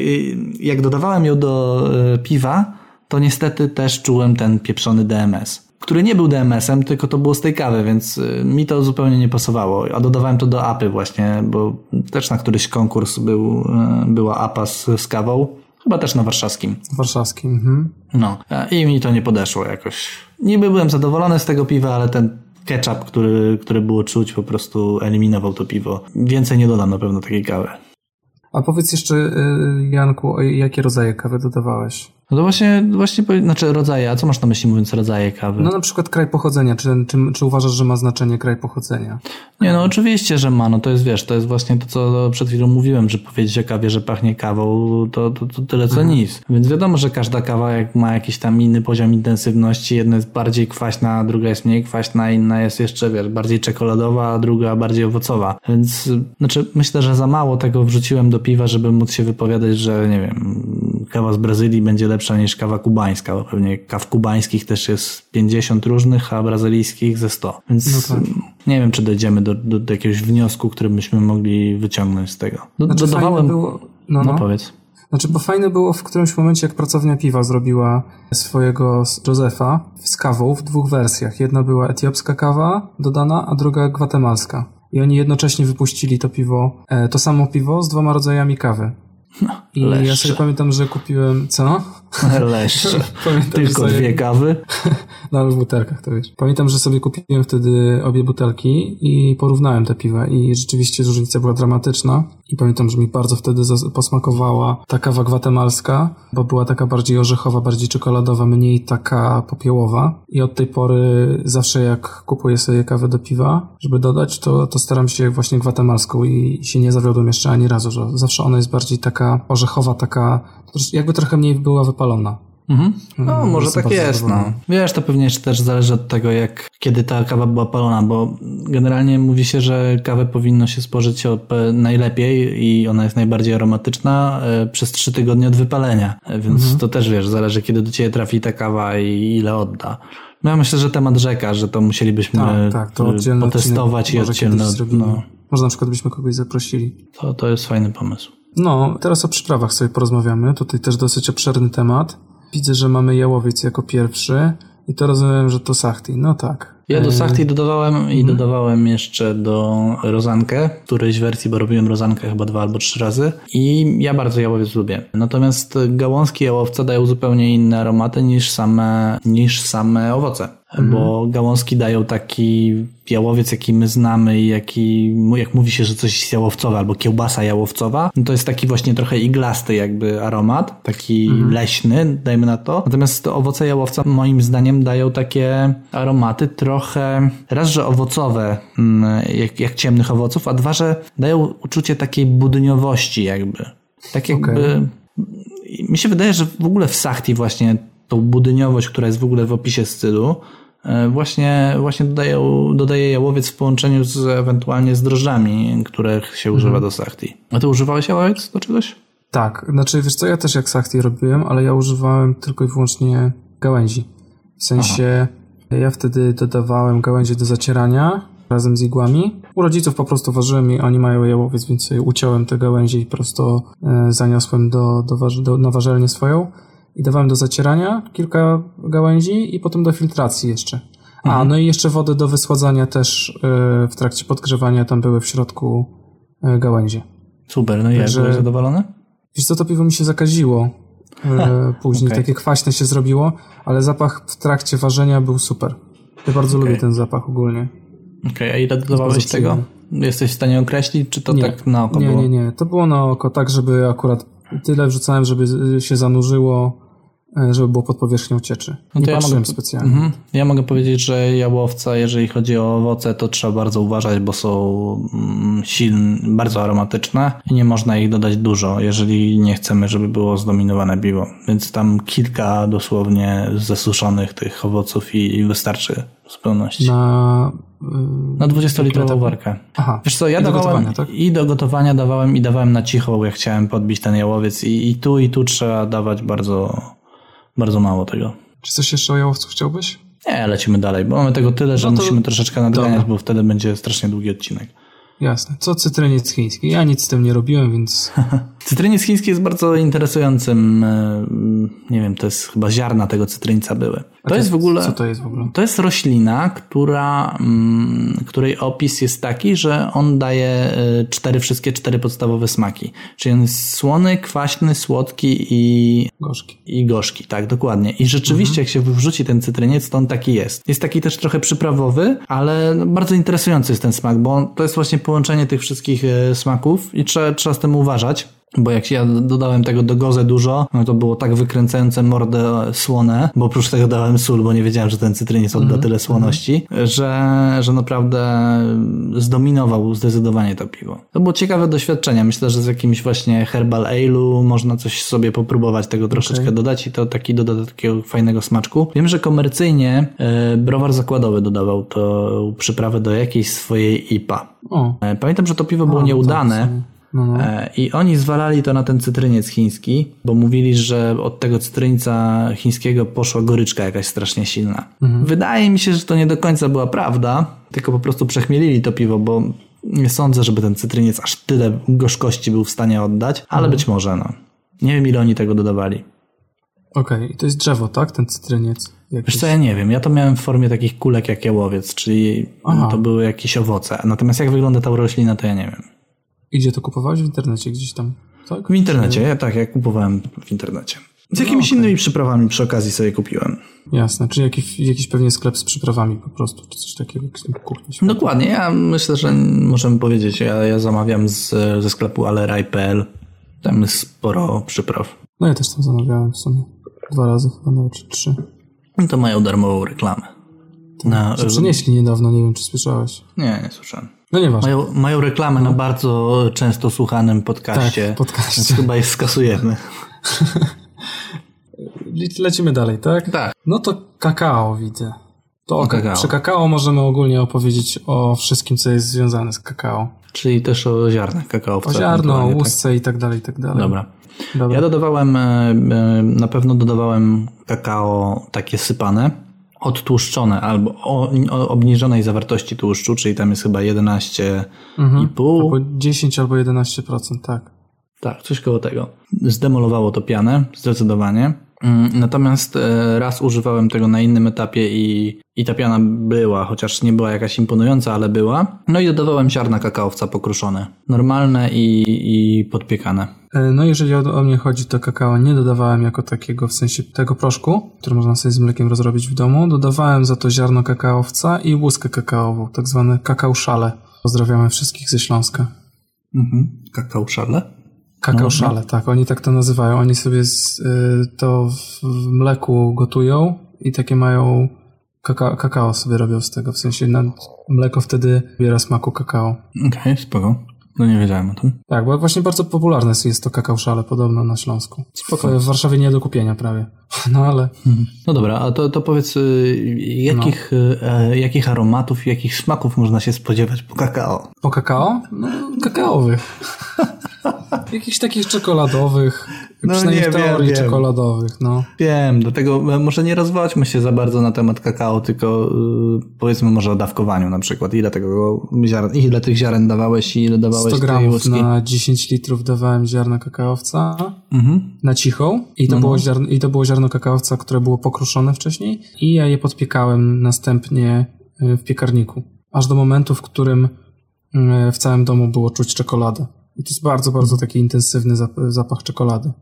Tak, to w ogóle warto jest podpiec e, sobie właśnie ziarna kakaowca, bo one wtedy oddadzą dużo więcej tej e, czekolady. No I Tak, co, tak. uważasz, że 100 gram na 10 litrów to jest dobra dawka, czy Nie, dałbyś uważam, więcej że albo to jest za mało. Dałbym Ja też uważam, co że najmniej dwa razy więcej. Ja też tak uważam, Teraz. że, że ten. A, a łuska ci nie oddała więcej przypadkiem? Wiesz co, ja podcho- podchodziłem dwa razy do tej łuski i żałuję obu prób, Aha, a e, co, bo ja się dawałem do gotowania tą łuskę kakao, tak, Mhm. tak jak po, przy, poczytałem, że ludzie dodawali i ona kwaśność straszną wnosi i pianę zabija. E, Czyli masz złe doświadczenia. no, Bardzo złe. Nie, nie polecam. W sensie, Okej, no to, to Słyszałem, że ludzie są byli zadowoleni, ale ja nie jestem i nie będę z tego więcej nigdy korzystał na pewno. Okej, ja chyba spróbuję jeszcze z łuską, e, raczej na cichą, natomiast w tej chwili nie jestem w stanie nic na ten temat powiedzieć, natomiast jestem tego samego zdania co ty, że 200 gram na 10 litrów to może być dobra dawka, e, bo ja też dawałem 100 gram i to też było za mało moim zdaniem, znaczy czuć było czekoladę i bardziej piwo było czekoladowe, natomiast myślę, że można więcej uzyskać z tego. Natomiast a propos kakao, to mam taki pro, protip, je- jeżeli się dodaje samo kakao, to warto je dodać do e, zacierania w ogóle. Wtedy część tłuszczy e, odfiltruje się razem z. Po, podczas filtracji po prostu. Na górę E, i- wypłynie to wszystko. Raz, że na górę, dwa, że zostanie na łusce e, przy filtracji. E, No i nie, nie zdemolujemy piany do, doszczętnie. Ona będzie słabsza, bo wiadomo, że tych, trochę tych tłuszczy się tam rozpuści i przejdzie do piwa, natomiast nie będzie ich bardzo dużo. E, No dobra, to tylko, tyle. Wiesz co, tylko chciałbym powiedzieć jeszcze o tym, e, że to ziarno kakaowca, jakby ktoś chciał sobie dezynfekować, to ja robiłem tak, że najpierw podpiekałem, a potem takie jeszcze gorące wrzucałem e, do alkoholu. A. trzymałem kilka dni. Tak, też tak robiłem. Dobra, lecimy dalej. Widzę kolendry następną mamy. Kolendra, typowy dodatek do Witbira właściwie i do Goze, prawda? Tak. Chociaż niektórzy sypią też na przykład do sezonów, z tego co widziałem. E, Jeżeli chodzi o kolendrę, to ważna rzecz, jak chcecie kupić, że nie kupujemy takie kolendry do gotowania, tylko kupujemy kolendrę w, e, indyjską tak zwaną. Ona się troszeczkę Tak. różni od tej kolendry dostępnej do gotowania, e, zarówno w aromacie, jak i w wyglądzie, bo ta kolendra indyjska bardziej troszeczkę przypomina, te kuleczki bardziej przypominają piłki do rugby, w sensie są takie podłużne bardziej, a ta kolendra e, kuchenna jest bardziej okrągła. Przypomina bardziej piłkę do piłki nożnej na przykład. Tak, i ta, ta kolendra, którą się kupuje w sklepach spożywczych, czyli tam jakiegoś kamisa albo coś w tym stylu, ona jest taka mocno ziołowa, natomiast e, ta kolendra indyjska, którą się kupuje, ja kupowałem najczęściej w sklepach dla piwowarów domowych przy okazji jakichś tam zakupów, ona jest dużo bardziej owocowa, ona troszeczkę takie pomarańczowe, trochę pachnie jak mnie cytryną, pomarańcze. Takie cytry, Albo no, cytrusowe. takie generalnie intensywne. No, no. Więc zupełnie inaczej pachnie i jest dużo bardziej intensywna i fajniejsza. Ja mogę o kolendrze powiedzieć tyle, że doszedłem, mam wrażenie, że doszedłem do perfekcyjnej dawki, bo za każdym razem mi się to sprawdza. Nie ma, mm, nie, piwo nie staje się mydlane, bo jak przesadzi się z kolendrą, to, to piwo się robi takie mydlane, e, a jednocześnie czuć ją bardzo właśnie fajnie tak owocowo i to jest e, 15 gram na e, 20 litrów chyba. Nie, 15 gram na 10 litrów to jest ta dawka, która, e, która jest idealna. E, Mówisz, że 15 gramów na 10 litrów. Na 10 litrów, tak. Zmielona taka, w, ja, ja miałem akurat w młynku do, do kawy. Aha, czyli na pył właściwie, tak? Na pył, tak, prawie na pył. Okej. No to ja dodawałem też tyle samo ostatnio do gozę, Mhm. e, ale mieliłem, znaczy nie mieliłem, tylko rozduszałem sobie w moździerzu. No i E, jak? Po prostu łamałem i jestem bardzo zadowolony, bo, wcale, bo No, nie jest to super intensywne, w sensie nie jest tak, że przykrywa wszystko inne, ale jest wyraźnie wyczuwalne i to goze wtedy jest bardzo przyjemne, takie właśnie kolendrowe. Dodawałem taką samą dawkę do Witbira i też się to sprawdziło, więc... Tak, ja na przykład do kolendry byłem tak średnio nastawiony kiedyś, Mhm. bo się spodziewałem właśnie jakichś takich, wiesz, szynkowych nut, a jak zobaczyłem, jak rozdusimy, kupiłem pierwszy raz sobie kolendrę, jak zobaczyłem, jak ona rzeczywiście pachnie, to uważam, że to bardzo fajny dodatek, że można bardzo fajnie uzupełniać chmielowość w ten sposób i jakieś dodatki właśnie cytrusów też. No ja też Także to się będzie bardzo ładnie komponowało. Ja lubię kolendrę. Mhm. Tylko nie można z nią przesadzić, bo wtedy wychodzi tak, mydło. bo A tak to jest mydło. super. Okej, lecimy dalej. Jak już jesteś, jak jesteśmy przy cytrusach, to teraz liście kafiru. Ty więcej dodawałeś, prawda? Do, więc, do, do większej Tak, nie, ja. Ja właściwie nie dodałem do żadnego. No ja znaczy do bardzo... jednego, ale wylałem je później. Rozumiem. Ja liście kafiru dodawałem chyba trzy razy, teraz mam sezona z liśćmi kafiru e, na cichej. E, Ja uwielbiam liście kafiru. W ogóle liście kafiru, co to jest? To są liście limonki kafir. Ja dodawałem je za każdym razem w formie mm, suszonej. I one dają aromaty podobne do limonki, natomiast troszeczkę takie bardziej, trochę bardziej słodkie. E, One nie są takie mocno cytrusowe, tylko bardziej idą w taką słodką stronę. Trochę to się mm, kojarzy z kuchnią indyjską z wiadomych względów, bo tam jest używana, e, używane liście kafiru, albo z kuchnią tajską. No ja bardzo lubię. Wiem, że nie wszyscy lubią, niektórzy, bo ona potrafi być taka trochę dusząca, e, ta limonka Tak, kafir. się za dużo wrzuci. No. Te liście, znaczy się. E, Natomiast jak się z tym nie przesadzi, no to ja uwielbiam.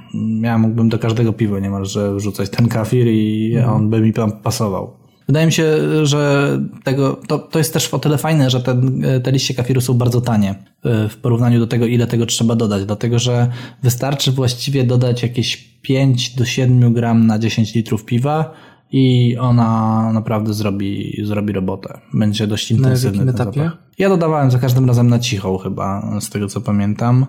E, Bez żadnego zaparzania, bez żadnego przelewania, tylko po prostu na żywca. Większość dodatków tak dodaję, bo jestem, jestem odważny. Spoko. Czyli polecamy liście kafiru raczej do jasnych chyba, prawda? Chociaż myślę, że w jakiejś blackipie też się by mogło sprawdzić. Ja myślę, że w Blackipie super. Miałem, mam na liście e, piw do uważania właśnie Blackipę z liśćmi kafiru. E, Na razie nie mam wolnego terminu, ale jak się puchar skończy dokładnie. Chyba tyle. Nic więcej do, do powiedzenia na temat kafiru nie mam. Herbatkę możecie sobie zrobić z kafiru, polecam. Następną na liście mamy miętę.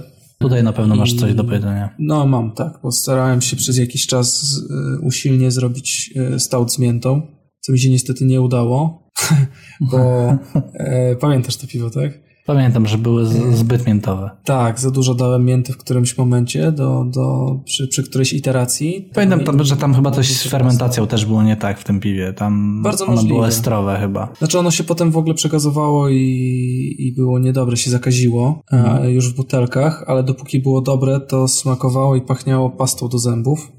I to tak bardzo intensywnie, to było bardzo ciekawe. E, Ja nie będę mówił ile dodawałem, ale tam około 20 chyba gramów na 5 litrów suszonej mięty, tylko że to była jakaś mięta, którą ja kupiłem na hali mirowskiej i ona, podejrzewam, że ona była w ogóle aromatyzowana, że tam był olejek miętowy wlany jakiś A. sztuczny Okej. e, bo ona była mega intensywna w ogóle z torebki. Tak aż podejrzanie intensywna. Mhm. Ogólnie moje wrażenie po wszystkich moich przygodach z miętą jest takie, że trzeba bardzo uważać na to, jaką miętę się sypie. Mm, W sensie, jaki rodzaj to jest mięty. Mhm. To, to, to ja powiem tak. e, Dodawałem miętę kilka razy. Za każdym razem była to mięta pieprzowa. Chyba raz tylko dodawałem świeżą, e, natomiast nie pamiętam ile jej było, więc, więc e, nie będę podpowiadał tutaj ile świeżej trzeba dodać. Natomiast takiej suszonej pieprzowej mięty na pewno trzeba dać mniej niż gram na litr, E, bo jak się da więcej niż gram na litr, to po prostu właśnie zacznie wychodzić taka pasta do zębów. Myślę, że dobrym, dobrą proporcją jest jakieś 0,7 grama na litr, czyli naprawdę trochę tylko, bo ta suszona mięta jest bardzo intensywna i trzeba po prostu uważać, bo inaczej będzie pasta do zębów i nie będzie się dało tego pić. A jak się do milk stoutu doda właśnie mięty troszeczkę, to, to wychodzą właśnie takie after eighty, takie czekoladki, super to gra. Ale dodawałem też i dodawaliśmy razem przecież do, do piwa komercyjnego. Ale w domu kiedyś dodawałem miętę do ipy razem z limonką. To był prototyp naszego ostatniego Mohitanina. No i ta domowa wersja wyszła fenomenalnie. Ta komercyjna uważam, że też wyszła bardzo fajnie. Prawda, ludzie tam narzekali, co po niektórzy, że za dużo mięty, inni mówili, że za mało mięty, więc, więc ciężko było w tym utrapić, ale Tak, tak. też można do ipy to dodać i też fajnie to gra. Tak, no mięta to jest taki właśnie jeden z tych dodatków, które nie wszystkim będą pasować i dla niektórych będzie za mało, dla innych będzie za dużo, prawda? To nasze pierwsze piwo y, było tym dowodem tego ewidentnym. Tak, ja pamiętam, że jakby zebrać wszystkie opinie, to by było tak, że Tak, trafiliśmy idealnie w punkt. Tak, tak, Natomiast żebyśmy dużo osób właśnie były skrajne. Dobrze. Następny mamy pieprz czerwony. I ja pieprzu czerwonego nie dodawałem, ale za to dodawałem czarny. Może ty zacznij o tym czerwonym. Wiesz co, ja nie pamiętam czemu akurat ten czerwony dodawałem. Chyba dostałem od kogoś ten pieprz czerwony, dlatego dodałem czerwony. Natomiast aromatycznie i smakowo on podobnie smakował do tego czarnego. Chyba nie przypominam sobie, żeby on dawał jakieś inne e, aromaty. Ja niestety dodawałem ten pieprz razem z chili e, i nie wiem na ile on wpłynął na na ile on wpłynął na smaki, na pikantność tego piwa. No, natomiast w aromacie było czuć ten pieprz delikatnie. Natomiast ja nie, mi pieprz, w ogóle zapach pieprzu, taki rozwodnionego, jak się go wrzuci do wody, kojarzy mi się z końskim moczem. Naprawdę? Naprawdę. I ja po prostu y, nie mogę. Pieprzu. Y, znaczy on w momencie, kiedy się go wrzuci i namięknie, to daje takie aromaty. Później to zanika i robi się taki typowo pieprzny aromat. Natomiast Mhm. w momencie wrzucania mi to pachnie końskim moczem. Okej, i ile tego wrzucałeś? Ja wrzuciłem 15 gram na 5 litrów i to było za dużo. Za dużo, czyli pszenica. 3 gramy na litr to jest za dużo. U mnie było tego za dużo, no. No ja dawałem tego czarnego pieprzu, yy, który dawałem 1 gram na 5 litrów. Czyli bardzo E, mało. Bardzo mało, ale uzyskałem taki efekt, efekt jaki chciałem, czyli... Czyli e, aromat końskiego moczu. Tak. Tak. Kończymy na dzisiaj. Dziękujemy bardzo. Do widzenia. To podsumowanie dzisiejszego odcinka.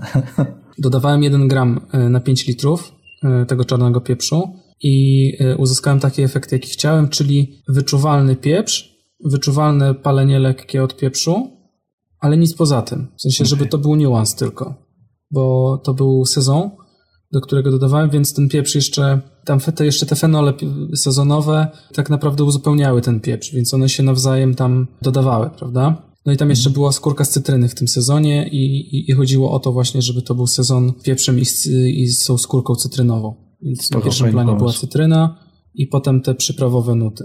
Czyli To 1 bardzo fajne gram na pomysł. 5 litrów, y, żeby do, dodać takiej lekkiej, y, subtelnej pikantności. A dodawałeś to Tak. w formie y, kuleczek pieprzowych czy zmielony? Wiesz co, ja go w moździerzu też roztłukłem Też i potem e, gotowałem przez 2-3 minuty w wodzie razem z tymi skórkami cytrynowymi i to potem wrzuciłem Okej. do fermentora i zalałem piwem. Dobrze, no to jako pieprzu to o soli. Tak jest. Co można o soli powiedzieć? No sól standardowo do goza. Tak, E, w ilości 1 gram na litr. Dokładnie tak. I to wtedy mamy taką, e, piwo jest delikatnie słone, ale czuć tą, y, tą słoność i robi się takie delikatnie też śliskie, trochę Mhm. pełnie podbija.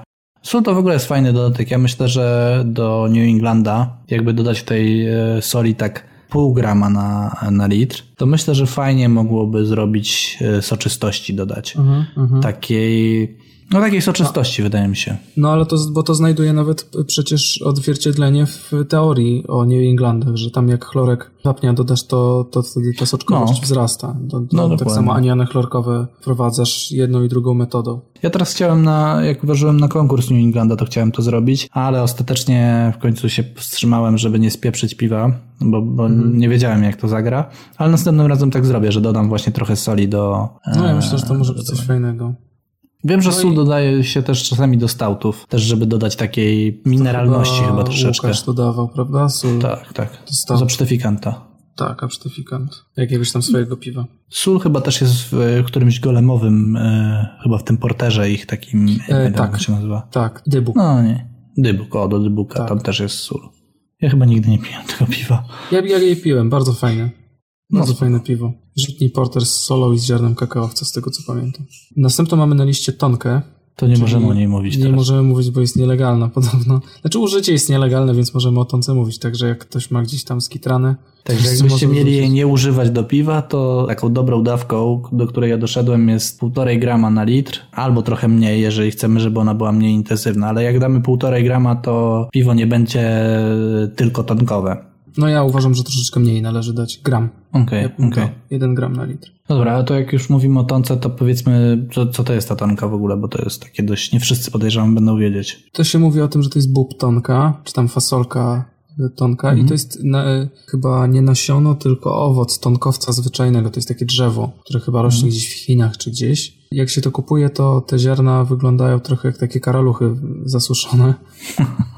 E, No, rzeczywiście. bardzo, bardzo intensywnym aromacie. Bardzo tak, ja jak woziłem pół kilo w samochodzie, to teraz nie mogę tego wywietrzyć. Tak, tak, ja mam to samo z szafką swoją, no. No w każdym razie to daje takie aromaty marcepanowe. Mi się najbardziej to z marcepanem kojarzy. Niektórzy Trochę mówią, że z cynamonem, ale to, to nieprawda. To w ogóle się nie kojarzy z cynamonem. Tak, ja myślę, że ludzie.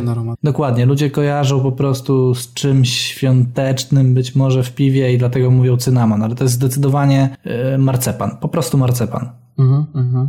I jak dodawać to? Ja jak cicho, gotowałem w prawda? domu, no, to dodawałem na cicho, zalewałem to yy, bourbonem, To ja tak Nie. samo. e, ale przekrajałem te e, fasolki na cztery. Mhm. Natomiast przy Willim Tonce w naszym komercyjnym piwie dodawaliśmy je całe, w całości. Też wymaczaliśmy je w bourbonie i też oddały dużo aromatu, więc można też całe wrzucać. Na Tylko około co jest, tydzień. jeszcze, co jest jeszcze ważne przy tonce, to to, żeby nie trzymać tego za długo w piwie zanurzonym, bo tonka po pewnym czasie oddaje goryczkę, prawda? Tak, oddaje taką go, go, gorycz, ale taką nieprzyjemną goryczkę, taką Hmm. trochę szczypiącą, no szczypiącą, tak bym to określił. I, I bardzo szybko zanika w piwie. To, to jest też ważne, że ona ulatuje y, dość szybko z piwa. Mhm, mhm. Więc pić szybko, jak dodać tonki. Tak, Czy nie dodacie tonki, bo nie wolno? Sanepid zabronił. tak, no ale jakbyście kiedyś mieli nie dodawać tonki, to nie dodawajcie jej Na długo i za na dużo. długo. Tak, i za dużo. No i jak tonka i zapachy marcepanowe, to musi być też o wanilii trochę. Ja wanilię dodawałem dwa razy, tylko że drugi raz był wczoraj, więc tu nie mogę nic powiedzieć. Okej. Em, ale dodawałem ją, wczoraj dodawałem ją w ilości, znaczy w formie zmielonych, pewnie Lasek. to jakieś są resztki. E, Tak, zmielone laski. Myśmy z Jankiem razem kupili w, jakim- w Aleraju właśnie chyba, któregoś razu i dodawałem 15 gramów, które było zanurzone wcześniej w bourbonie, do, na cicho, do 5 litrów piwa. To nie będzie, to będzie niepijane. To już ci tak? powiem. Myślisz, że za dużo? Tak, ja dodałem, e, to, bo też ostatnio dodawałem tą No. sproszkowaną e, wanilię, No. dodałem 4 gramy na 10 litrów do milkshake'a i wyszedł dramat. W sensie zepsułem piwo. Mhm. Za Więc dużo. Za dużo, no jest taka, jak kupujesz e, cukier wanilinowy, taki do ciasta, No. to on tak pachnie trochę sztucznawo. Mhm. To dokładnie tak pachnie to piwo. E, Taką sztuczną, żelazistą, fenolową wanilią. Nie, nie pasuje mi to. Ale to wiesz co, wydaje mi się, że to jest chyba jednak wynik tego po prostu w jakiej formie, że to są takie, bo ta zmielona wanilia to pewnie nie jest jakiejś Może pierwszej tak. jakości była. Może tak. I ona nawet z torebki tak pachniała, tak, dla, ona mnie nie przekonywała, dlatego pomyślałem, a wrzucę wszystko. Żeby się tego pozbyć. No, znaczy może nie, żeby się tego pozbyć, tylko ten aromat był tak nikły na Mhm. początku, e, że wydawało mi się, że ona dużo nie wniesie. E, No ale jak już doszedłem, doszedłem do tego aromatu, to rzeczywiście on nie był taki jakiś super przyjemny, no ale pomyślałem, że tak czy inaczej wrzucę. No dobra, a dodawałeś też w laskach? Dodawałem też w laskach, tylko że ja robiłem wcześniej po prostu wyciąg. W sensie, jak to się mówi, Mhm. nalewka? Nie. No, zalewałeś się alkoholem i później Tak, dodawałeś ten... Tak, e, potem przy butelkowaniu po prostu sam ten wyciąg nalałem. Okej. Ja dodawałem e, wanilię w całości. E, Znaczy przekrajałem laski wzdłuż kilka razy na, na dość wczesnym etapie moim ważenia. Tak między 30 a 60 warką kilka razy dodawałem. E, I jak spoglądałem teraz w, swoje notatki, to mam napisane, że 4 do 5 lasek na przepraszam, wróć. Jedna laska na 5, 4-5 litrów to jest dobry, e, dobra proporcja. E, Tak mam napisane w notatkach. Pamiętam, że oprócz e, stoutu, do którego klasycznie się dodaje wanilię, do milk stoutu właściwie, to dodawałem też wanilię kiedyś do witbira i to zagrało bardzo fajnie. Pamiętam, że No, to on ciekawe. taki delikatna waniliowość było, była i to bardzo fajnie grało, więc z wanilią myślę, że można fajnie po, poeksperymentować. I w różnych takich nietypowych piwach, myślę, że z belgijskimi drożdżami to też może fajnie grać, bo takiej subtelności też doda to, to piwu. Myślę, że do dubla na przykład, o kurczę, z dublu musi fajnie grać. W ogóle wanilia, wanilia to fajny dodatek, tylko cholernie drogi niestety. No i ceny rosną. Niestety, No i ceny rosną, tak. okrągło tej wanilii. Tonkę, tonkę zabrali, wanilia, wanilii ceny rosną, zaraz trzeba będzie płatki dębowe wrzucać po prostu, kurde, Mm. do piwa. Wczoraj sprzedawałem, E, a propos płatków dębowych, no. wczoraj sprzedawałem e, Flandersa swojego na, do butelek i tam rzuciłem na 15 litrów średnio opiekanego amerykańskiego dębu. To poleżało dwa miesiące i piwo jest tak zdominowane przez kokosa z tych, e, z tych płatków. Mhm. Normalnie jakbym pił wodę kokosową. Okej. Znaczy, no może trochę przesadzam, ale no bardzo Lekko kokosowe. kwaśne pewnie. Znaczy, no lekko kwaśne, nawet mocno kwaśne jest, no bo, bo to Flanders, ale... No, no tak. Ale to a propos kokosa i takiej właśnie waniliowości trochę, to, to bardzo fajnie podziałało. To taka dygresja była. Lećmy dalej. Spoko. Dobra, lecimy dalej. E, teraz o przyprawach, ale w kontekście piw świątecznych. E, I mamy jako pierwszy cynamon. Ja już sobie sprawdzam. Aha, ja dodawałem dwie laski cynamonu na 10 litrów świątecznego i e, żeby była jasność, bazą do tego świątecznego mojego był e, brown porter. Mhm. I dodawałem dwie laski cynamonu całe, tylko lekko rozbite na takie mniejsze kawałeczki w moździerzu.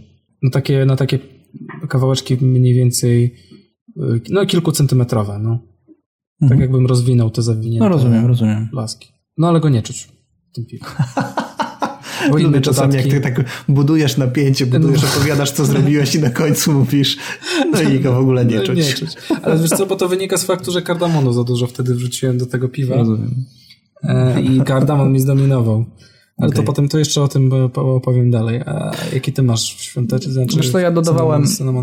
Ja dodawałem e, laski cynamonu też w całości e, do gotowania i też go nie było, nie było jej czuć w ogóle. I dodawałem e, też do milk stoutu i było go troszeczkę czuć. Też dodałem jedną laskę wtedy na 10 litrów. Było go odrobinę czuć, ale, ale mało. Myślę, że on jakiś jest taki na tyle specyficzny, że w ogóle cynamon się chyba nie rozpuszcza. Tak mi się wydaje, że cynamon się nie rozpuszcza e, ani w piwie, ani w ogóle jak go gotujesz, to on się nie rozpuszcza, tylko pływa na górze. W Nie, sensie, wiem, nie wiem. Masz zmielony cynamon? No, no. No tak, no to jest kora drzewa, no to ciężko. No więc właśnie. No to o to mi chodzi, że się nie rozpuszcza. I przez to, że się nie rozpuszcza, to oddaje mało aromatu na zimno. Tak mi się wydaje. Okej. Mm, Znaczy i ja nie, nie wiem. Wydaje No. mi się, że właśnie najlepiej do gotowania w, jednak ten, ten cynamon. No mi się też właśnie do tego chciałem, zmierzałem, że chyba najlepiej byłoby go dodać do gotowania. Natomiast y, nie wiem ile, bo zawsze mi szkoda jest y, całą warkę y, poświęcić na piwo z cynamonem. I, w sumie nie wiem ile trzeba byłoby go dodać. Znaczy to, ja mam wrażenie, że to jest bardzo fajny temat koncepcyjnie, w sensie cynamon, jako taki Tak. w staucie na przykład mlecznym, nie? Mhm. Y, I chyba nawet jakieś tam amerykańskie browary robiły z tym eksperymenty, ale jakoś tak ludzie nie, nie, nie bardzo do tego cynamonu. Jakoś u nas w Polsce się to nie przyjęło. Ktoś tam robił No. coś z cynamonem, ale raczej nie powtarzał tego. No to Nie, dziwne, może bo- ciężki kurde, temat. Bo to jest super przyprawa. Rzeczywiście z mlekiem bardziej pasuje, czy tam y, z piernikiem, y, niż z piwem. Może trzeba byłoby po prostu aromatu ciepnąć, a nie cynamonu, byłoby dobrze. No dobra, to lećmy dalej. No jak nie mamy nic Dobrze. do powiedzenia na temat cynamonu, to nie ma się co rozwodzić. Gałka muszkatołowa, czyli kolejny przypraw, to się przyprawy korzenne nazywa, tak? Tak, tak, tak się mówi. Ostatnio mi ktoś zwrócił uwagę, że się nie mówi ka- gałka muszkatałowa, tak jak ja zawsze mówiłem, tylko gałka muszkatołowa. Tak. No Ja nie wiedziałem o tym. Całe życie mówiłem muszkatałowa. No w każdym razie y, ja dodawałem, y, ale w ilościach śladowych do jakiegoś świątecznego i w sumie chyba mi zginęła ta, ta gałka wśród innych przypraw. Ale ona właśnie jest taka trochę budyniowa. Ja, ja tak kojarzę, że ona jest taka trochę budyniowa. Ty dodawałeś kiedyś? gałka muszkatołowa? No, to ja takie mam wrażenie, że ona jest taka trochę budyniowa. Nie? Okej. Znaczy ja samej nie dodawałem nigdy, w sensie tak, żeby była samym jedynym dodatkiem. Brałem świeżo, w sensie ścierałem na tarce bezpośrednio do gotującego się piwa właśnie przy tym świątecznym swoim, bo ja tylko jedno świąteczne mam na koncie, które ważyłem teraz przed świętami. Poczekaj, bo chciałem coś powiedzieć a propos tej budyniowości. Już wiem, czemu mi się No, to no. z budyniem kojarzy. Dlatego, że gałki muszkatałowe się dodaje do sosu beszamelowego. A sos A. beszamelowy troszeczkę tak budyniowo... Y, budyniowo i pachnie trochę i ma konsystencję budyniu. I dlatego mówię, że z budyniem mi się kojarzy, ale to w sumie jest trochę inny zapach jednak. Sorry, y, trochę prze- przesadziłem. Także jak ktoś masz jeszcze do powiedzenia gałce, to mów. Bardzo mi się podoba jej aromat i bardzo lubię sos beszamelowy. Brawo ty. Ja też bardzo Eee, lubię beszamelowe. Szczególnie goździk. do e, lasagne. Tak. Jest bardzo dobry. No. Goździk. Goździk. Y, Ja goździka nigdy nie wrzucałem, a może wrzuciłem, nie, dwa wrzuciłem do tego, też, też do tego piwa, więc samo Świetnie się w Wajcenie sprawdza. Ale co, wrzucałeś naprawdę do Wajcena? Nie, nie, nie, nie, żartuję. Y, Ja wrzucałem do świątecznego i też mi gdzieś zaginął w mariażu wszystkich y, przypraw. Myślę, że goździk w piwie to nie jest dobry pomysł. Znaczy jako uzupełnienie, chyba czemu nie? Bo on jest taki dość, znaczy on jest taki dość ostry ma zapach, taki... Znaczy no ja nie lubię, no. Mi się z Ja też nie, kojarzy. znaczy mi się też, znaczy to, to w dużych ilościach z dentystą. Mhm, mhm. Do jakiegoś bardzo słodkiego piwa być może by to zagrało, ale nie można tego dużo dodać. A co z imbirem w takim razie? Dodawałeś świeży czy suszony? Dodawałem suszone, sproszkowane też do e, świątecznego. Mm, No to nigdy jak ja. więcej. Natomiast imbir Tak? to jest... No. Znaczy nie, nigdy więcej, w sensie, że nigdy A, więcej nie okej, dodawałem, a okej, nie, że jasne. nigdy więcej, że było bardzo źle. Mhm. E, nie no, z imbirem mam tam jakieś plany e, z takim świeżym korzeniem, e, żeby zrobić jakieś A, no fajne tak. piwo imbirowe, ale to więcej kiedyś powiemy o tym chyba, no nie? Bo to taki Tak, mamy tak, tak. pomysł, żeby nie, nie wyciągać teraz jeszcze, dopóki tego nie spróbujemy. No nie wiem, co ty możesz powiedzieć o imbirze? Możesz coś powiedzieć o imbirze? Nie, no bo właściwie to też do, do tego jednego świątecznego jako, jako uzupełnienie. Ogólnie mam wrażenie, że te przyprawy Bo tu za chwilę będziemy mieli ziele angielskie, o którym pewnie dokładnie to samo powiemy. No właśnie, więc może powiedzmy ogólnie o, o tym, tych całych wszystkich korzennych tak zwanych e, przyprawach, że właściwie można mieszankę wrzucić taką, jak się robi świąteczne piwo. Wiem, że dużo osób kupuje po prostu jakąś mieszankę gotową do grzania Znaczy ja nie jestem do tego przekonany, bo nie możesz wtedy kombinować to raz, nie wiesz jaki jest skład takiej mieszanki, więc nie, um- nie możesz wtedy y, dobierać sobie, a poza tym jakoś tak mało kraftowo mi się to kojarzy. Nie Wiesz co, nie, z jednej strony mało kraftowo, ale y, ile razy y, ważysz to świąteczne piwo? Kurczę, żeby dojść do jakiejś perfekcji, wiesz, y, mieszanki, y, cynamonu, goździka, gałki muszkatałowej, imbiru może i ziela tak, angielskiego. no. Znaczy, Musiałbyś tego, uważam, kurczę, naważyć, wiesz, z 10 warek pod rząd, pododawać różnie w różnych proporcjach i dopiero wyciągnąć wnioski. Ja myślę, że ciężko jest tutaj mm, dojść do jakiegoś fajnego wniosku. No może i masz rację. Dlatego- Ale i tak pozostanę przy swoim. Znaczy wiem, wiem o co chodzi. Ja, ja mówię to w takim kontekście, że wiesz, jak kupisz taką przyprawę, dodasz jednego roku, nie wiem, 10 gram tej przyprawy i będzie spoko, no to później też dodasz 10. Jak będzie za, No tak. za mocno, to dodasz sobie po prostu 8 za rok i będzie dobrze, tak? Pod tym kątem. Ja Mhm. chyba, jeżeli miałbym ważyć świąteczne, a chyba nie będę już ważył, a jak będę ważył, to po prostu dowalę tonki i, e, i ziarenka kałowca i będzie taki. Deserowy, tak. E, Natomiast jeżeli miałbym tak robić, to chyba teraz bym użył gotowej mieszanki. Tak mi się wydaje. Trochę pójście na skróty, ale wydaje mi się, że efekt jest bardziej przewidywalny i bardziej kontrolowany. Tak mi się wydaje. No ja przy świątecznym właściwie jeszcze mogę powiedzieć tyle, że wrzucałem do niego, do tego swojego kwiat pomarańczy. I nie było go w ogóle czuć. No niestety utonął w tym kardamonie. Ale wiesz, ale znaczy, bo chodzi o to, że cały pomysł, cały zamysł tego był taki, żeby imitować miód, bo ja nie, dawa- nie dodawałem miodu do tego świątecznego, a te kwiaty pomarańczy mają taki bardzo intensywny zapach miodu. Mhm. Także jak, mam wrażenie, że jakby ktoś chciał zrobić piwo miodowe bez miodu, to ten kwiat pomarańczy się może bardzo dobrze sprawdzić. Tylko No oczywiście nie wiem, czy to by w. Unii Europejskiej, czy by przeszło, wiesz. Piwo miodowe bez miodu. Przechodzą takie rzeczy, nie martw się. Tak? To spoko. No, No, dobra, to, Dobra, to koniec ze dalej? świątecznym, święta za chwilę. Jak ktoś chce jajka wrzucać przy, przy okazji zbliżających się świąt, to nie polecamy. Nie. Próbowałeś? E, nie, no co ty. A, no to nie wiadomo, może wiesz. Dużo białka na pianę do pozytywny wpływ. Super. Dobra, Dobra, kolejne mamy chili. Co? Chili. Coś No jeszcze? nie, właśnie o to mi chodziło, żebyśmy już poszli do tego Tak, chili. tak, bo zaraz będzie, kurde. Ty dodawałeś chili, to opowiedz o chili jako takim. No ja dodawałem dwa razy chili. Mm, Za pierwszym razem zrobiłem to z głową i dodałem tego troszeczkę do milk stoutu, a właściwie chyba do stoutu owsianego. Jako, że ja lubię ostre rzeczy, to mi to bardzo pasowało. To piwo było dość mocno ostre. Natomiast ja dodałem też, e, bo to, bo to wszystko zależy od tego jakiej papryki dodasz i jak ona jest ostra. Im ostrzejsza, tym trzeba je dodać mniej oczywiście. I tutaj nie, nie podamy na pewno jakiejś e, złotej recepty, ile tego dodać. Natomiast ja e, jakby jakie doświadczenie mam. Kupiłem taką świeżą papry, papryczkę pepperoni w całości. Pokroiłem ją, o, wyrzuciłem pestki i dodałem 60 gram na 20 litrów i to było mocno ostre. No. Ale w Nie było sensie może- pijalne ostre, czy Nie, takie, że... pijalne ostre, pijalne. Okej. Pijalne. No ale piekło dwa razy, zdecydowanie. Było, A, dało się tak, wypić, ale, było, ale, ale dało się wypić, no. Dało się wypić. A drugi raz dodawałem e, chili e, bez głowy, e, celowo. Miało być tak Przesadzone. pierdolnięciem. No. i było. Nie, to tam tego drugiego to, to się nie dało wypić. Dwa wylałeś łyki. w końcu, tak? Takiego, czy... Nie pamiętam. No, Znaczy, no, na pewno go nie wypiłem, więc jak go nie mam jeszcze, a pewnie nie mam, bo to było tam ze dwa i pół roku temu, no to pewnie wylałem. No. Tylko to, że ja wtedy miałem 5 litrów tylko tego, tego piwa. No więc nie szkoda było. Wiem, że ty masz dużo lepsze doświadczenia. Tak mi się wydaje przynajmniej. Z, z ostrą papryką?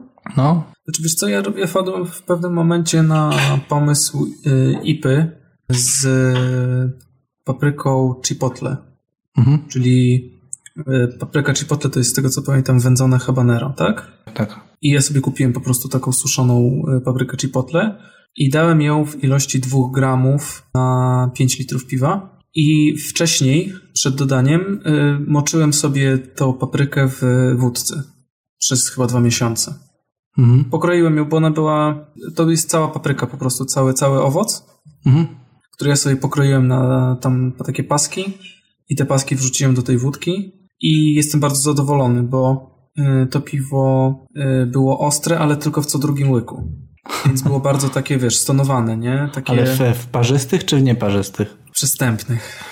Tylko, w, tylko w ten, w pierwszych, y, znaczy w Nie, no rozumiem, rozumiem. pierwszą. Rozumiem. No po prostu zabawnie No. to zabrzmiało w co drugim łyku, no. No, no, no nie wiem, no ta, takie miałem odczucie, że wiesz, że, że ono jest bardzo było takie zbalansowane to piwo, bardzo mi to smakowało, że, że jeszcze ta wędzonka była przy okazji wyczuwalna wyraźnie, Mhm. ale nie nachalna była i ewi- ewidentnie piwo do powtórzenia.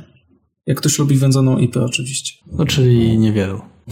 Ale jak spróbowałem, wiesz, jak spróbowałem sobie tej wódki, z, Mhm. w której się moczyło o człowieku. Ostro. No, wiesz, bo jak alkohol 40% i jeszcze No tak, no tak. ostrość taka naprawdę wysoka, no to wyplułem. No nie dziwię się, nie dziwię się. No, ale wiesz, w ogóle ta wódka się zrobiła cała taka czarna. Od tej papryki. Czarna. Mhm. Tak. No tak, znaczy bo w to- sensie tak, tak była brunatna, ciemna, czerwona, Mhm. że aż czarna, wy- wyglądała na czarno. Czyli polecasz generalnie. Tak, bardzo polecam taką metodę. Tak. A ty jak dezynfekowałeś te swoje? Ja nie dezynfekowałem standardowo. W sensie pokroiłeś na przykład tą, jak świeżą kupowałeś, to pokroiłeś po Tak. prostu? Nie, no wziąłem pod wodę, żeby pestki e, wypłukać i wrzuciłem do tego, do piwa. Okej. Jeszcze a Bez propos pestek, pamiętajcie, że pestki są bardziej ostre niż reszta No, no. papryki. Do tego właśnie je spłukiwałem. No lecimy dalej, jeszcze nam zostały chyba kwiaty i jakieś tam hardkorowe rzeczy i, Tak. i tyle. No to jeżeli chodzi o kwiaty, no to tu widzę dziką różę. Ja dzikiej róży nie dodawałem. To ja powiem. Może no. o te dzikie róże. Wiesz co, ja ja kiedyś sobie tak wymyśliłem, że mm, na jakimś konkursie chyba była Red IPA, czyli czerwona IPA. No i generalnie założenie tego stylu jest takie, że ona ma być troszeczkę karmelowa bardziej, ma być taki amber ale, ale mocniej, wyższy, wyższy, bar- wyższy ekstrakt ma być i mm, e, goryczka. I tak, i powa goryczka. Więc ja sobie pomyślałem, że na cholerę mi ten karmel, on i tak wycelować z kolorem ciężko w ten czerwony, więc zrobię ipę, po prostu zwykłą i dorzucę do tego coś, co zabarwi i ewentualnie doda, doda e, aromatu jakiegoś. No i wymyśliłem, że dodam właśnie dzikiej róży, owoców dzikiej róży i hibiskusa. No i to bardzo fajnie wyszło, mi, mi bardzo to smakowało. W sumie wyszło tak, jak miało wyjść, czyli miało być e, nie karmelowo, a owocowo i na czerwono miało być zabarwione. E, I z tego co pamiętam, dodawałem tego, dodałem po 50 gram jednego i drugiego na 10 litrów, czyli całkiem sporo. Na cichej, tak, tak. I to, czego się bałem, em, e, to to, że hibiskus odda kwaśność, bo on jest delikatnie kwaśny. Jak się weźmie płatki hibiskusa i się zaparzy, to, to Kwaśna jest, jest trochę kwaśne. Mhm. Natomiast to piwo nie było w ogóle kwaśne. Ja, ja nie czułem tego, więc to 50 gram, które poszło, e, musiało być e, dobrą ilością, bo zabarwiło na czerwono. Było w ogóle tą różę albo ten hibiskus Było, było. na przykład? Tak, było czuć. Mm, Było go czuć pod chmielem trochę, natomiast było czuć. Fajnie Zarówno dziką różę, jak i hibiskus było czuć. Tak, tak. Hibiskus się troszeczkę e, w piwie pokazuje w taki sposób, taki trochę landrynkowy jakby. Mhm. Tak mi się wydaje, tak mi się to kojarzyło. Więc taka landrynka, ale taka przyjemna, owocowa landrynka e, z mocnym e, chmielem bardzo fajnie zagrała. A ta dzika róża, w jaki sposób to się objawia? No też, wiesz co, no ciężko jest mi opisać jak w jakiś sposób, jak pachnie dzika róża. No dzika róża pachnie dziką różą i tą dziką różę też było w piwie delikatnie czuć. Okej, rozumiem. No to jako dzikiej róży to płatki róży, No, płatki róży. do, do naszych kooperacji rok temu. Tak. W Witbirze żeśmy dodawali płatki róż. Tak, E, i w porterze. No i co, no super sprawa. No, znaczy fajne, bo tutaj momentami takie, jak się, jak się to dobrze zrobi, to taką pączkową, e, znaczy jak nadzienie do pączków. e, Dokładnie różane. tak. Bardzo, ja w domu robiłem też oczywiście i w Milkstaucie bardzo fajnie zagrało, bo to był taki właśnie jak nadzienie pączkowe z czekoladą. I tam dawałem 10 gram na 5 litrów na cichą. Mm, i piwo nie było jakoś super zdominowane przez te płatki róż, a było to czuć. No i dodawałem też płatki róż do kotła, do Witbira. I, i tam dodałem 15 gram na 10 litrów do gotowania. I tam już zdecydowanie piwo było zdominowane przez te płatki, bo ja jeszcze później dowaliłem tego do, na cichą z tego co pamiętam, więc mm, około 10, o, generalnie 1 gram na litr przy jasnym piwie i 2 gramy na litr przy ciemnym piwie. To jest moim zdaniem dobra, e, e, dobra Ja proporcja. No i Witbier, Witbier wyszedł super moim zdaniem, taki bardzo orzeźwiające piwo, a jednocześnie przez to, że róża, te płatki róż się kojarzą z marmoladą, to sprawiało wrażenie, oszukiwał się mózg, że to piwo jest słodkie w jakiś sposób, a tak naprawdę to słodkie nie było. Tak. Mi to bardzo pasowało, więc, więc ja polecam. Znaczy płatki róży to jest ogólnie bardzo fajny temat, tylko też to trzeba zrobić umiejętnie wszystko, w sensie to nie jest takie proste jak się wydaje. Mam wrażenie z tymi płatkami róży. No zdecydowanie nie można przesadzić, no bo jak ci zdominuje róża piwo, no to, to będzie nieprzyjemne. To ma być raczej niuans albo uzupełnienie jakiegoś tam bukietu. O, bukiet. Fajnie się to, jak się mówi o kwiatach w piwie i No o tak. bukiecie piwa, to tak ładnie się to komponuje. Więc to ma być uzupełnieniem bukietu ta, ta róża, a nie e, głównym aromatem. To wtedy to fajnie gra. Natomiast jeżeli przesadzimy, no to, to będziemy mieć po prostu piwo różane. Będzie smakować i pachnieć jak woda różana. Co nie jest fajne. Dobra, to chyba wszystko, jeżeli chodzi o róże.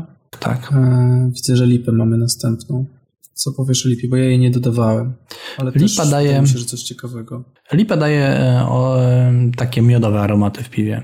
Czyli tak jak ten mój kwiat pomarańczy mniej więcej. Trochę tak. Ja dodawałem lipę y, w ogóle zbieraną na osiedlu w Warszawie samemu, jak kwitła. To świeżo świeżo zbierałem te kwiaty i dodawałem to do rozankę, dlatego że rozankę miało wtedy, chyba już teraz nie ma tej miodowości w opisie, a może jeszcze ma, nie pamiętam. Natomiast y, ja dodawałem ją właśnie po to, żeby uzyskać tą lekką miodowość w aromacie i smaku i rzeczywiście troszeczkę podbiło tą miodowość. Nie jakoś bardzo, ale trochę podbiło. Ja dodawałem 50 gram na, na 20 litrów na koniec gotowania. No, czyli kolejny pomysł na piwo miodowe bez miodu. Unia Europejska lubi to. Unia Europejska robi to, tak, approves. Co Z kwiatów jeszcze A, mamy rumianek. Jeszcze mamy rumianek. O, właśnie. Pomysł, który chciałem zastosować, ale jakoś mi jeszcze się nie, przy, nie, nie, ten, nie przyszło mi, żeby wrzucić ten rumianek do piwa. Ale Ja wrzuciłem- coś fajnego. Ja wrzuciłem raz. Generalnie polecam, ale jest dokładnie ta sama sytuacja co z płatkami róż. Rumianek jest mega dominujący, znaczy w sumie nie ta sama. Ta sama sytuacja, jeżeli chodzi o dominację aromatu. Nie można z nim przesadzić, bo jak się przesadzi, to, to piwo będzie niepijalne. Natomiast jeżeli to będzie uzupełnienie, to to będzie fajnie grało. Yy, I wiem, że niektórzy rumianku dodają na przykład do Witbira. Yy, To chyba jest taka, nawet browary chyba dodają. Znaczy z tego, co czytałem, to to w ogóle jest tak, że e, tego rumianku się nawet historycznie dodawało O, no właśnie. No. e, do wita w, w browarach belgijskich, że oprócz kolendry i skórki pomarańczy był jeszcze właśnie rumianek dodawany. No ja go dodałem, e, bo jeszcze nie powiedziałem o ilości, ja go dodałem do gotowania 8 gram na 10 litrów i i on nie był no, dominujący, on był właśnie takim, znaczy inaczej, to było piwo generalnie e, ziołowe, tak? Więc ten rumianek był na pierwszym miejscu, to prawda, natomiast nie był dominujący. Były też inne aromaty, które tworzyły jakiś tam e, fajny mariaż, natomiast e, nie, nie był dominujący. Był pierwszym aromatem, ale nie dominującym. No to okej. To chyba kwiaty mamy z głowy. Tak. A, właśnie, chciałem jeszcze tylko powiedzieć, że ja planuję w którymś momencie dodać mniszka lekarskiego. Kwiaty mniszka lekarskiego, jak będą kwitły, to sobie je zbiorę. Mhm. I też chciałbym dodać, bo słyszałem, że one? widziałem, że w Stanach bardzo dużo ludzi to robi i może to bardzo ciekawie zagrać z piwem. Chciałbym zobaczyć, jak to wyjdzie. A czym, a czym to pachnie? Nie pamiętam. Okej. To jest chyba taki... Mm, Typowo ziołowy. Dodatek. tak, taki ziołowy. Wiem, że on, wiesz, biorąc pod uwagę to, że to jest tak pospolita roślina, że ja sobie mogę przed blok wy, wy, wyjść i zebrać tego No tak, wystarczająco no tak. To i nic mi to nie kosztuje, to, to, to chciałbym spróbować. Bo jeżeli innym wychodzi, to znaczy, że mi też może wyjść. No to na pewno był jeden e, z, e, jedna z roślin, która jest w opisie e, tego stylu Alba Cerevisiae, chyba jakoś tak to się nazywa, tak? To, to na pewno tam się... Mniszek lekarski dodawali. Tak, tak, tak, tak. To historycznie na pewno tam był dodawany. Dobra, lecimy dalej. E, Zostały nam hardkory. Hardcore nam został, tak. E, No to najpierw ty mów. No to ja dodawałem boczek. Do piwa. I teraz, Dziękuję. Dobranoc. I teraz będzie... No, opowiadaj trochę o tym boczku, a później powiedz, że no i nie było go w ogóle czuć w piwie. No dobra. Ale było Więc- go czuć czy nie? Poczekaj, Nie. bo jak nie było. Nie, nie było. Nie było. No to powiedz ile za mało. Za Znaczy, mało że... dodałem e, pewnie. Wiesz co, ja kupiłem z tego co pamiętam około pół kilograma. A to był wędzony boczek, czy taki... Tak, taki wędzony, taki, to nie był taki surowy, wiesz, tylko wędzony. Tylko, że to było za 2,5 roku temu, czy 3 lata temu i, i już średnio pamiętam. Wtedy moje notatki też nie były jakieś super wspaniałe. No w każdym razie kupiłem te pół kilograma tego boczku, pokroiłem go na takie w miarę grube plastry i go upiekłem do takiego stadium, w którym on, większość tłuszczu się wytopiła z niego. Ale zaś myślenianki pracują. Tak. Tu, tu pomaga e, pieczenie go oczywiście na takiej jakiejś kratce, tak żeby pod, na spód sobie kapał ten tłuszcz. No potem go odcisnąłem i też trzymałem tam ze 2 czy 3 tygodnie w alkoholu jakimś, taki pokruszony. Aha. I tą miksturę dodałem następnie do 10 litrów piwa, z tego co pamiętam. A co to było za piwo? Wiesz co, to były wody wysłodkowe po barley wine'ie. Okej. E, więc takie... To był angielski barley wine, więc taki, takie ciemniejsze trochę e, piwo to było. Takie amber ale można powiedzieć. Chyba ze 12 plato miało. Okej, nie przebił się ten boczek. Nie, Ale tak w ogóle, czy... w ogóle. W ogóle, W ogóle, okej. w ogóle zupełnie nie było czuć e, w ogóle wędzoności. Poza tym, jak śledziłem e, przygody polskich browarów z boczkiem jako dodatkiem, bo dwa browary z tego co pamiętam dodały, dodawały boczek teraz, znaczy do tej pory w Polsce, No. To zawsze to było jako dodatek do piwa wędzonego. Okej, ciężko to wyłapać. E, ciężko to wyłapać, troszeczkę takie wiesz, Do, dodatek dla dodatku. tak. Znaczy, że to nie było zupełnie, ale tak naprawdę to nie wiesz, czy to jest wędzonka od, No. pochodząca od boczku, czy, czy od słodu po prostu. Zgadzam się z tym. No dobra, to, to, to jest takim dodatkiem, który e, według mnie też jest hardkorowy w jakiś tam sposób, albo bardzo nietypowy. Jest mleko w proszku, które ja dodawałem. I tutaj dla odmiany y, było czuć go. To, to, to mleko w proszku. Ja kupiłem mleko w proszku, które było odtłuszczone i rzeczywiście zawiera 0% tłuszczu. Składa się głównie z białek i z e, laktozy, a właściwie z laktozy i z białek. W 100 gramach tego mleka w proszku jest 56 gramów chyba, chyba 56 gramów laktozy. Czyli właściwie można po, po, potraktować to jako dodatek laktozy, odpowiednio sobie przeliczyć. 36% y, gramów y, białka i jakieś tam inne rzeczy, które są mniej istotne. I to, co jest ważne, ja dodawałem to do milkshake'a, natomiast zamierzam też teraz zrobić milk stout y, z tym dodatkiem, bo uważam, że naprawdę fajnie milkshake wyszedł. I on w przeciwieństwie do, w przeciwieństwie do laktozy rzeczywiście nadaje piwu smak mleka. Natomiast nie tak, że jak dodasz tego mleka, to to będzie kurczę jak piwo zrobione na, na mleku, tylko to jest taki niuans też. Dodaje i gładkości, i zmętnia piwo, no i dodaje właśnie tej mleczności. I ja dawałem akurat e, na 10 litrów dawałem jedno opakowanie takie 250-gramowe, natomiast myślę, że można poszaleć spokojnie i dodać dwa takie opakowania e, i efekt będzie jeszcze lepszy. Natomiast to, co jest ważne, e, to po pierwsze trzeba to dodawać do gotowania, bo raz przy rozlewie piwa owocowego dodałem to, najpierw zagotowałem to, to mleko i wlałem do, do, na cichą. Znaczy nie na cichą właściwie, tylko przy rozlewie. Z rozlewiem. Mhm. Tak, no i zamknąłem fermentor od góry, zacząłem rozlewać to i patrzę, że tak mi coraz bardziej klarowne to, to piwo leci. Więc w pewnym momencie, jak zaczęło już lecieć takie zupełnie klarowne, otworzyłem ten fermentor, a tam na górze po prostu taka 5 albo 6 centymetrowa yy, śmietanka na górze się zrobiło. Całe białko w takim jednak kwaśnym środowisku, jakim jest piwo, po prostu się ścięło totalnie i powstało taki koszuk gruby. Piwo było do wylania, nie dało się go pić, było takie Tak? no, no takie słodko-gorzkie, ale w taki bardzo nieprzyjemny sposób. Ja wylałem to całe. Natomiast e, jak dodawałem do gotowania, no to wyszło naprawdę fajnie. Bardzo fajny wyszedł milkshake, rzeczywiście mleczny. Więc e, ja polecam e, i sam będę, zamierzam jeszcze eksperymentować z tym. Okej. Tyle. To by było na tyle, jeżeli chodzi o te nasze dodatki. Chciałbyś coś jeszcze dodać? Może ogólnie? Nie, myślę, że nie. Myślę, że nie mamy już czasu na... Dobrze. na No to trzeba kolejny tak wspaniały pociąć. odcinek, kolejny cudowny odcinek. Żegnają się z Państwem Żegnają się z Państwem Janek oraz Olek. oraz Olek, czyli Browar Monsters. E, Do zobaczenia w kolejnym odcinku. Do To jest. usłyszenia. Cześć. Cześć. W ten oto sposób alchemia dobiega końca. Mam nadzieję, że podobał Wam się odcinek. Dziękujemy za wszystkie dotychczasowe lajki, suby. Dzięki wielkie. Do zobaczenia. Cześć!